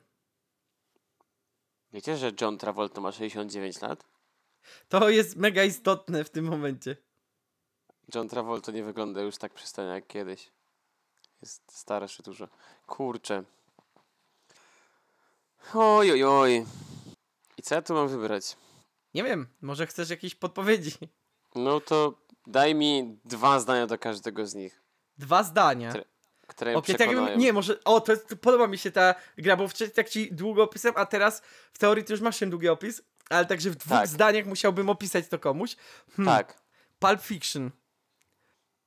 Pierwsze zdanie przy Pulp Fiction to najpopularniejszy film Quentina Tarantino. Drugie zdanie to mm, hmm, gangsterzy w niecodziennym wydaniu. Okej. A jakbym miał dać 7, to mm, klasyka filmów, y, klasyka trailerów Finchera. Eee, ci- ciekawy wątek morderstw z interesującym plot twistem. No to biorę 7. Albo nawet z, z głównym antagonistą ciekawym. O, nawet lepiej. Eee, Biorę 7. Dobrze, to bierzesz 7. To Pulp Fiction versus Lot nad kukułczym gniazdem. Biorę lot nad kukułczym gniazdem. E, w związku z tym, co mówiliśmy wcześniej, chcę w tą emocjonalną historię pójść. Czy tak jak mówię, no, ona z mojej perspektywy się wydaje, że ja przez to mogłem nie zrozumieć, bo tam się tworzy pewna więź między pewnymi bohaterami i ona skutkuje tym, co się dzieje na końcu, co dla mnie jest takie e? i czemu on to zrobił, jakby to jest tak głupie dla mnie z perspektywy logicznej, ale wydaje mi się, że jak zrozumiesz może emocje, to ty to odbierzesz, żeby to nie było, że ci, żebyś później nie czuł się oszukany, ale tak jak mówię, dlaczego ja to tak widzę, że jakby pod koniec jest pewna decyzja, która jest związana z emocjami i z tym, jak się zachowują ci bohaterzy i ja mam takie Why? Why you do this? No, ale... Wszystkie decyzje życiowe podejmuję emocjonalnie, więc wiem coś o tym. No dobrze, to Pulp Fiction versus 12 gniewnych ludzi. Pulp Fiction. Bo kurczę, ciekawe to jest. Mimo, że podoba mi się ten koncept 12 gniewnych ludzi. Podoba mi się, jak Kubok to- za każdym razem mówi, że mega mu się podoba e, No bo- koncept 12 gniewnych ludzi, ale nie. No bo to jest mega ciężkie, bo jakby nie, po, ciężko jest się przełamać nad starością tego filmu i Ale wiesz co, tym, stare że- filmy Ale potrafią poczekaj, oddać. poczekaj, poczekaj sekundę, bo e, trochę nad starością tego filmu i że on jakby dosłownie oni tam siedzą i gadają, a jakbym teraz miał, mam, mówię, co mam ochotę obejrzeć, to chciałbym, że troszkę się więcej działo niż tylko to, że przychodzą i gadają. Ale to nie zmienia faktu, że sam koncept jest bardzo interesujący, ale jeżeli miałbym na przykład teraz skończymy nagrywać podcast i pierwsze co robię, to idę oglądać ten film, to wolałbym obejrzeć Pulp Fiction i jest to jedyny powód, dlaczego to w tym momencie wygrywa, ale wciąż uważam, że właśnie to, co cały czas powtarzam i teraz ty spunktowałeś, że ja tak w kółko mówię o tych 12 gniewnych ludziach, to, e, to będzie ten honorowy mention, który obejrzę. Y, dlatego ja wam powiem tak, naprawcie swój attention span tiktokowy i obejrzyjcie 12 gniewnych ludzi. E, I w ogóle jakbym miał powiedzieć tak na szybko jakąś top 3 klasyków y, czarno-białych, to by był pewnie ten. 12 Gniewnych Ludzi, e, Doktor Strangelove, czyli jak pokochałem bombę atomową i przestałem się bać, złoto. To jest tak dobry film. E, I pewnie ten, e, e, Obywatel Kane, to taka klasyka kina, jakby jak chcecie zobaczyć jak kino się zmieniło, to Obywatel Kane to jest złoto. Pewnie też Vertigio, tak to się chyba nazywa, nie? Vertigio e, Hitchcocka, ale no to, to nie jestem aż tak pewny, czy bym to wybrał. Jeśli czyta Vertigo, się tego nie czyta? Możliwe, że to się czyta Vertigo, jakby katowanie e, nazw własnych to moja specjalność, więc możliwe, że to się czyta Vertigo. Vertigo jak mapa w CS-ie. No tak, No to okej, Vertigo. to Vertigo. E, to e, Fight Club versus 12 Gniewnych Ludzi. Ha! No i znowu dzisiaj to samo, czyli wolałbym obejrzeć Fight Club w tym momencie i dowiedzieć się o co chodzi w tym ogromnym plot twiście kapitalistyczno-jaki tam, niż obejrzeć ten super ciekawy koncept, który mnie mega jara w tym momencie. Ale to tylko dlatego, że właśnie no, ten cały koncept Fight Clubu, że czemu się o nim nie mówi, a ja chcę o nim mówić i skoro się o nim nie mówi, to czemu wszyscy o nim mówią? To Nie tak wolno mówić o, to jest pierwsza zasada kręgu. Ale to wszyscy mówią o tym kręgu, ty się powiedzieć bardzo dużo o kręgu. Bo ja To nie należę ogóle- do klubu. A, okej. No i ludzie mówią o, o, o kręgu. Masz, a- opie trzy zasady. Pierwsza zasada klubu, nie rozmawiamy nie, o chcę się klubie. dowiedzieć. Druga, Nie chcę się dowiadywać kolejnych zasad klubu. Ja się dowiem, bo obejrzę, obejrzę, może kiedyś. Nie wiem, czy wygra, zobaczymy. no to są cztery zasady, które musisz poznać. Także Dobrze, szykuj znamy. pięści. Znam już pierwszą, więc jak obejrzę, to nawet wam nie powiem. Nie bójcie się, ja wam Dziękuję. powiem. E, to Matrix versus 12 Gniewnych Ludzi. No i kurka, blaszka, biednych Teraz, 12 teraz będziecie widzieć, ludzi. jak ci biedni No 12 nie. ludzi spada z tych schodów sądu, na twarz tam się wypierdzielają. O nie, no to jest tak przykre. Ale no, serce mówi Matrix, a głowa mówi Matrix. Więc... No, z jakiegoś powodu to jest taki klasyk, który eksplodował po prostu w tym 2000 roku, czy tam 99. Zmienił w ogóle wszystko i wszyscy tak przeżywali do tego stopnia, że mój szef pracy, jak się dowiedział, że nie widziałem Matrixa, powiedział, że jakim cudem my cię tu zatrudniliśmy. No Matrix to jest klasyka, tak jak mówię, to wprowadził, e, wprowadził w zasadzie nowy styl podejścia do tego, jak wyglądają hakerzy, bo nagle wszyscy sobie cyferki z Matrixa zaczęli wyobrażać. Wszyscy zaczęli ubierać się w długie czarne płaszcze i okulary osadzone na nosie. No i jakby slow-mo zakrólowało we wszystkim. No tak, dlatego chcę obejrzeć Matrixa, bo w najwyższa pora. To 12 gniewnych ludzi versus chłopcy z Ferajny. 12 gniewnych ludzi, proszę Dobił państwa. biedne kino mafijne, dobił. 12 gniewnych ludzi, jest O, to bardzo fajny koncept. Wielki mafijny fight. Ojciec chrzestny versus 12 gniewnych ludzi. Ej, chłopcy Oj, z Ferajny, oj. co ja mówię, co ja No, mówię. No Chłopcy to z Ferajny. ojciec chrzestny. To myślę, że bezprecedensowo ojciec chrzestny. To chłopcy z Ferajny versus skazani na Shawshank. Skazani na Shawshank, bo bardzo mi się podobał ten koncept, jak mi go powiedziałeś, w sensie ten cały motyw osoby, która zwykle sprawia, że wszyscy inni nie trafiają do więzienia, trafia do więzienia, mnie już bawi. Okej. E, Dobrze. To listę mamy zakończoną. I Wow! kto by się spodziewał Bo, boję Że- co wygrało. na pierwszy... No, jakby wiesz chyba co wybierałeś, nie? Nie mam pojęcia, jestem kompletnie nieświadomy, co nie Siedem. Ani razu A, nie wybrałeś siedem. czegoś innego. Zawsze wybierałeś 7. Jakby to musiało Nie być jak- pierwsze. Jakby Nie było skupiałem się na tym, skupiałem się na pojedynczych wyborach niż na. 7, wszystkich czyli tak jak wam mówię, e, tutaj mamy 13 miejsce w Polsce, 19 na świecie, e, 7, czyli po angielsku 7, ale zamiast V pisane przez 7, a, a, e, mm, co, David Fincher jako reżyser, 2 godziny, e, 7 minut, jeśli chodzi o długość. Na drugim miejscu mamy Lot nad kukułczym gniazdem, na trzecim miejscu Pulp Fiction. Także tak jest top 3. Tutaj liczymy kubok na to, że e, w jakiejś tam przyszłości uda ci się z tą trójką zapoznać, a w najbliższej przyszłości z Seven, skoro uważasz, że tak jest to interesujące. Oczywiście Obiecałem, obiecałem w przyszłym tygodniu, pierwsze co usłyszycie, nieważne co się stanie, pierwsze co usłyszycie, moją opinię o Seven. E, także ja tylko powiem, że cokolwiek byście chcieli z tej dziesiątki wybrać, to warto. Oczywiście znacie mój top pick, czyli Ojciec Chrzestny, tu nie ma innej opcji. E, na drugim miejscu pewnie byłoby 12 Gniewnych Ludzi. Na trzecim, hmm, nie wiem czy nie Matrix versus Chłopcy z Ferajny. Musiałbym się zastanowić. E, dobrze, to u ciebie na czwartym Fight Club, Na piątym Matrix, na szóstym 12 Gniewnych Ludzi, na siódmym Ojciec Chrzestny, na ósmym Skazanie na Shawshank, dziewiąty chłop, y, Chłopcy Sferajny i na dziesiątym Dobry, Zły i Brzydki. Także tak tutaj się układa e, zestaw e, Kuboksa, jakby watchlista filmowa Kuboksa.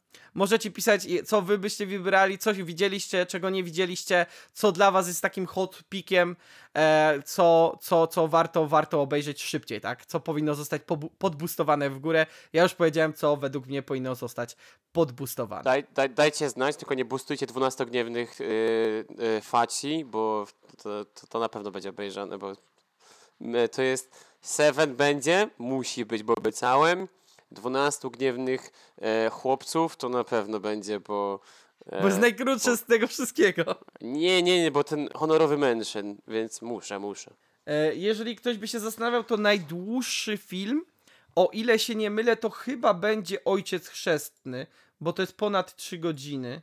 E, Oj, oj, kłopoty.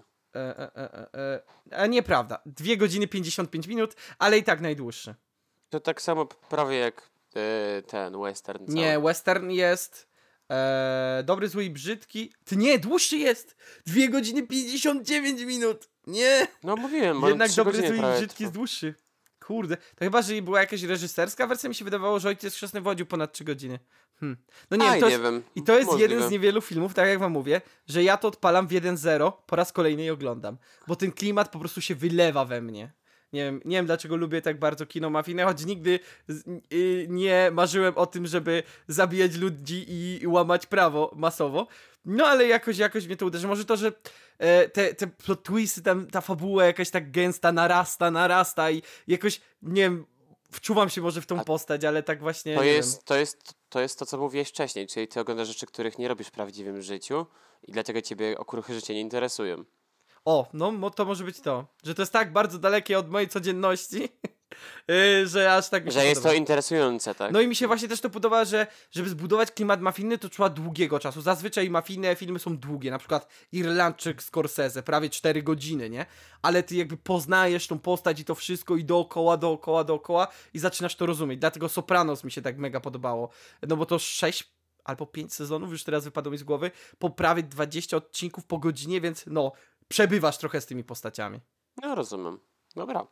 To tym pięknym akcentem my się możemy zakończyć. Fajnie, mnie się bardzo podobało. Fajnie było być takim e, postawionym na świeczniku i żeby wyciągnąć coś z opinii. Myślę, że ten koncept wróci, tylko oczywiście w odwrotnym, w odwrotnej, e, w odwrotnym stylu, czyli ja przygotuję dla Pushina listę czegoś, nie powiem czego e, i on będzie musiał z moich opisów ten. Jeżeli wam się spodoba, bo jeżeli wam się nie podobało, to też dajcie znać, pomyślimy o tym, ale myślę, że to jest fajny odskocznia od tego, co zwykle robimy. Jakby eksploatu- się- eksploatuje to, że Kubox nie oglądał tylu dobrych filmów. A poza tym, jakby wiecie, Jest no, tak. trudno się dziwić Kuboxowi, że dostał atencję i się cieszy, nie? No i koniec. I znowu mnie zreustowano. E, spokojnie. E, ja się jeszcze odegram na tym koledze, bo teraz to na pewno już To mnie martwi, ja już piszę moją anime. klauzulę sumienia. Same Slice of Life będą na tej liście, więc będzie... No to ja ci tego nie zrobiłem. Ja nie wybierałem tego, a IMDb zadecydowało. Ale ja ciebie nie roastuję publicznie na podcaście, więc To widzisz, nie jest roast, to jakby jest, to kara. jest jakie bójdy jak prawda. Ja nie potrzebuję atencji, spokojnie. Ja potrzebuję się wygadać. I właśnie dlatego podcast. nagrywamy podcast. Ja się potrzebuję wygadać i żeby ktoś posłuchał, co tam gadam za głupoty. Dobra, to w takim razie myślę, że pora zakręcić naszym kołem. Oj, oh boy, oh boy, jestem ciekawy, że tak powiem, e, co tam może wy, wyrzuci, także... Fortuna kołem się toczy.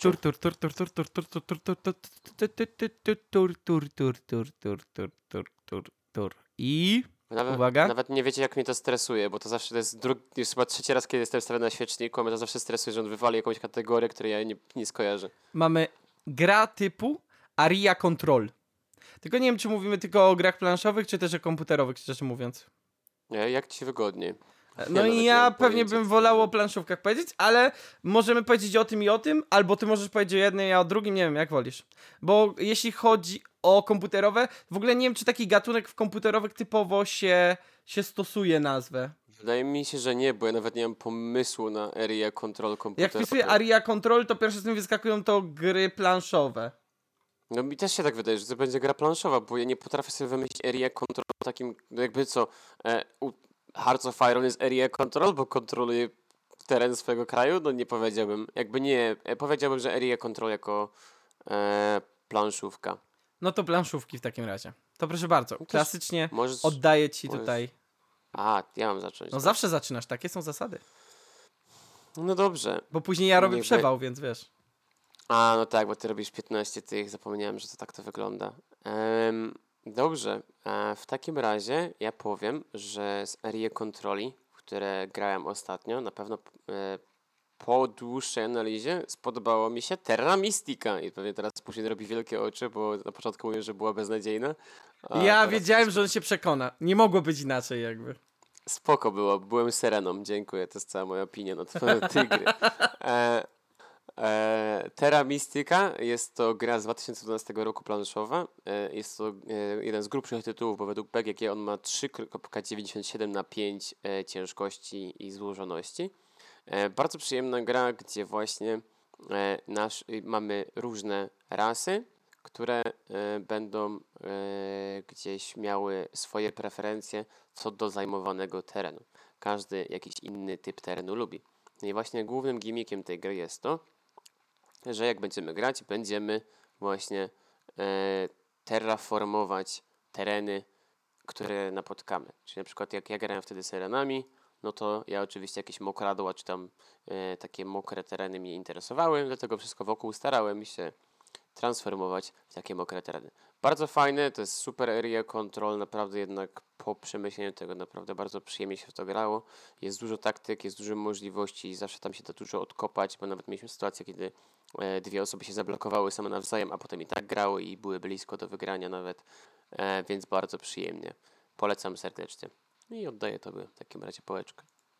Powiem tak, przynajmniej tyle. Jakby jedną rzecz usunąłeś z mojej listy. no mogę wam tylko powiedzieć, jakby Terra Mystica to nie tylko naszym skromnym zdaniem bardzo dobra gra. U mnie to 8 w serduszku na BGG. Na BGG, jeśli chodzi o opinię graczy 8.1, 26 pozycja w overallu, więc no jakby to się trochę samo przeście. E, natomiast jeśli o mnie chodzi, to hmm, może nie jestem jakimś mega wielkim fanem gier typu Aria Control, ale mam kilka co najmniej, y, które, mm, które są warte wspomnienia, więc to będzie gruby przewał. Myślę, że z częścią tego przewału Kubox się zgodzi, ale oczywiście Ja obstawiam, obstawiam, że padnie Duna. Od razu obstawiam, możesz kontynuować. właśnie chciałem powiedzieć, że jeśli chodzi o moje pierwsze miejsce, to najprawdopodobniej będzie to gra, która jest chyba najniżej e, w, w rankingu BGG, jeśli chodzi o overall. Tak, jest, jest najniżej. Ale jeśli chodzi o klimat wylewający się z tego i o asymetrię i tak dalej, e, no to, to dla mnie, jeżeli by się udało mi kiedyś zagrać w pełni szóstką, to by było mega w serduszku, czyli właśnie Duna. Tylko to jest istotne, gra się nazywa Duna, mówimy o Dunie albo z 70 lat, albo była reedycja w 2019 e, o Dune, gdzie właśnie da się zagrać, nie o Dune Imperium, o e, deckbuildingu, e, tylko ani nie o Dune, która była znowuż remake'iem, czyli tam historia intrygi konfliktów, coś takiego. Eee, Intrygi konflikt, tak, no. To, bo to jest, to jest nieudany remake moim zdaniem. A, właśnie- ani nie o Dunie zdrady, bo też jest taka nie, to jest gra Duna. karciana, tylko o, po prostu Duna, nie? E, Po angielsku po prostu Dune, nie?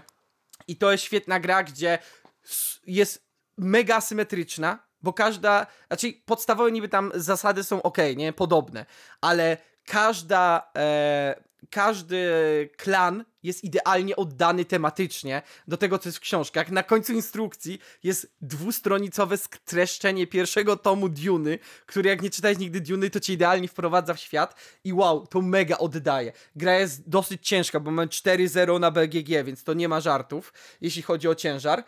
I to jest gra, którą da się wygrać w sojuszu, więc to też fajnie buduje to, że e, niekoniecznie trzeba wygrać z samemu. Na pewno I teraz jeśli chodzi o honorowe wzmianki. Wow, trochę tego będzie. Jeżeli patrzymy w Dune, to trzeba by pewnie było też spojrzeć na grę o Tron. Jeżeli ktoś lubi właśnie takie wbijanie noża w plecy i dłuższą grę, to gra o Tron to też jest na pewno ciekawa area control. No i ja wolę, ja wolę Dune. Jeśli chodzi o hmm, na przykład jedna z moich ulubionych gier, czyli Pax Pamir. No tam też jest trochę area control i tak takiego specyficznego area control, nie? To nie jest takie typowe i nie jest najważniejszym aspektem tej gry, ale jednak jest. Myślę, że tutaj Kubox potwierdzi. Twierdzam jak najbardziej, ale to, to, to na pewno zdecydowanie nie jest główne, no. Tak. To... Później mamy, jeżeli mówimy o asymetrii, no to też nie wa e, warto wspomnieć o Rucie. Też świetnej asymetrycznej grze, gdzie głównie chodzi o przejmowanie terenów, tak? E, jest trochę prostsza, ale wciąż ciężka, bo mamy 3,78 na BGG. Później mega gra Area Control, która mi się też podoba, czyli Inish. Y, gra, która polega na tym, że jesteśmy tam O, klanami no. e, e, szkockimi i gra polega na tym, że w momencie jak wygrywam, bo jest pewien, że pewien trzeba spełnić pewien układ. I jak ja wygrywam, to muszę powiedzieć na początku rundy, że słuchajcie, ja w tej rundzie wygrywam. I gracze znów mają całą rundę, żeby mi przeszkodzić, więc gra się potrafi pięknie ciągnąć i jest mega ciekawa. E, później gra, w którą niedawno zagrałem po raz pierwszy, czyli Dominant, Dominant Species, e, czyli po polsku to są Władcy Ziemi. Wow, gra, w której czacha paruje, 4-0-4 po, poziom. Każdy z nas gra gromadą gatunków i właśnie idzie zlodowacenie i trzeba sobie radzić i wygryzać inne gatunki. Jakby wow. Do tego jako y, fan Star Warsów ciężko nie wspomnieć o Star Wars Rebelii. Najlepszej grze dwuosobowej, nie grajcie w to, broń Boże, w cztery osoby, która świetnie oddaje mechanik, y, jakby świat Star Warsów. Do tego najlepsza gra Aria Control, która jest Eurasem, czyli Spirit Island. Gra, w której niby wszyscy wiemy, wszystko o sobie gram w kooperacji, ale tam nie ma e, problemu gracza alfa, bo gra jest zbyt trudna, żeby ogarnąć. No i na sam koniec, e, ostatni, ale nie ostatni, jak to mówią. E, po angielsku, tylko po polsku to tak fajnie nie brzmi. e, Eclipse. Eclipse, czyli świetna gra Area Control, ale która też jest trochę Eurasem, trochę Ameritraszem, mamy trochę kostek, e, trochę dogadywania się, trochę wymyślania, jakby wow, super gra, szczególnie druga edycja, która wygląda pięknie. I to był taki turbo mega duży przewał, cokolwiek z tych rzeczy nie Yo. wybierzecie, to jest dobra gra. Ale jednak, jak macie 6 osób i lubicie Dune, to for the win. Choć oczywiście Kurczę. Teramiska też by tu była, ale on odciął to z mojego przewału. On, on, on trochę poniosło go, jakby. Puszina poniosło jak nigdy chyba, bo wymienił Słuchaj, jakieś 7 i- gier, 8, Raz, więc dwa, jest niezłe. trzy, cztery. Nie wymieniłem ani jednej gry, która byłaby poniżej oceny na BGG overall 7-8. Także wiesz, no. Nie, zgadzam się, ale po prostu to ile wymieniłeś, nie? Teraz ludzie No ale tamto to były Ale tylko polecajki, tak? Jakby był we- jeden i cała reszta. weźcie Dune, weźcie Dune, weźcie Dune. Dobrze, to myślę, że tym przepięknym akcentem polecenia wielu aria kontroli wejdziemy na wasz area i się z wami pożegnamy. E, Ja Także- tylko chciałbym powiedzieć, że po raz kolejny e, nie przebiliśmy trzech godzin. Znów się udało. Teraz już nie mamy nie przebić dwóch, teraz mamy nie przebić trzech. Znów się udało. Znów się udało, chyba że przyciągnę to pożegnanie. Nie, nie, no tyle to nie. Jest grudzień, więc jako, że jest grudzień, no to pamiętajcie, dbajcie o kotyczki, przeczytajcie coś fajnego, zagrajcie, obejrzyjcie film, napiszcie mi, który film ja powinienem obejrzeć. Może macie dla nas polecenia, może chcielibyśmy, żebyście, żebyśmy zrecenzowali coś fajnego, to byłoby też fajne. Dajcie znać, może coś obejrzymy, co żaden z nas nie widział i opowiemy na początku podcastu. Właśnie, czas na 30-sekundowy blog reklamowy po 3 godzinach. Pamiętajcie, że możecie oceniać nas na wszystkich aplikacjach do podcastów Spotify, YouTube, pisać komentarze, pisać w Spotify można pisać fajnie, żeby nam się wyświetlały, zadawać pytania i zawsze e, możecie też pisać, jak macie jakieś pytania, propozycje, e, zastrzeżenia na nasz mail geekwizy@gmail.com, tak? Tam e, śledzimy to, jeżeli ktoś tam napisze, to na pewno się, na pewno odpowiemy, bo na razie jest nas na tyle, że możemy całe community ogarniać, tak? Tak. Jak będziecie, w- jak w przyszłym roku będziemy w waszym Spotify Wrapped, to wyślemy wam spersonalizowane podziękowanie, tak jak teraz artyści muzyczni wysyłali, jak byliście na początku, jak byli na początku waszej listy, to dostawaliście coś takiego. Dobrze, Dobrze. także w tym odcinku dowiedzieliśmy się, jak empatia wpływa na odbiór dzieł i dlaczego, jeżeli i, żyjesz uczuciami, to twoje życie to dramat, a jeżeli myśleniem, to komedia. Ale jest tak. przeinaczyłem ten cytat. Nie. Oprócz tego- I ty jesteś na mnie zły, że to ja niby atakuję e, twoją stronę. To, Nie, no chyba było słychać, że to przeinaczyłem specjalnie. Emocjonalne kluski łączmy się. Pamiętajcie, Tak. jestem tutaj zawsze. Jak potrzecie przytulasa emocjonalnego ja dam. Oprócz tego stworzyliśmy watchlistę dla Kuboxa i poleciliśmy wam e, prawie dwie gry Aria Control. Także jak zawsze wszystko co najlepsze dla was i co najgorsze to nie my. Także do usłyszenia. Na razie.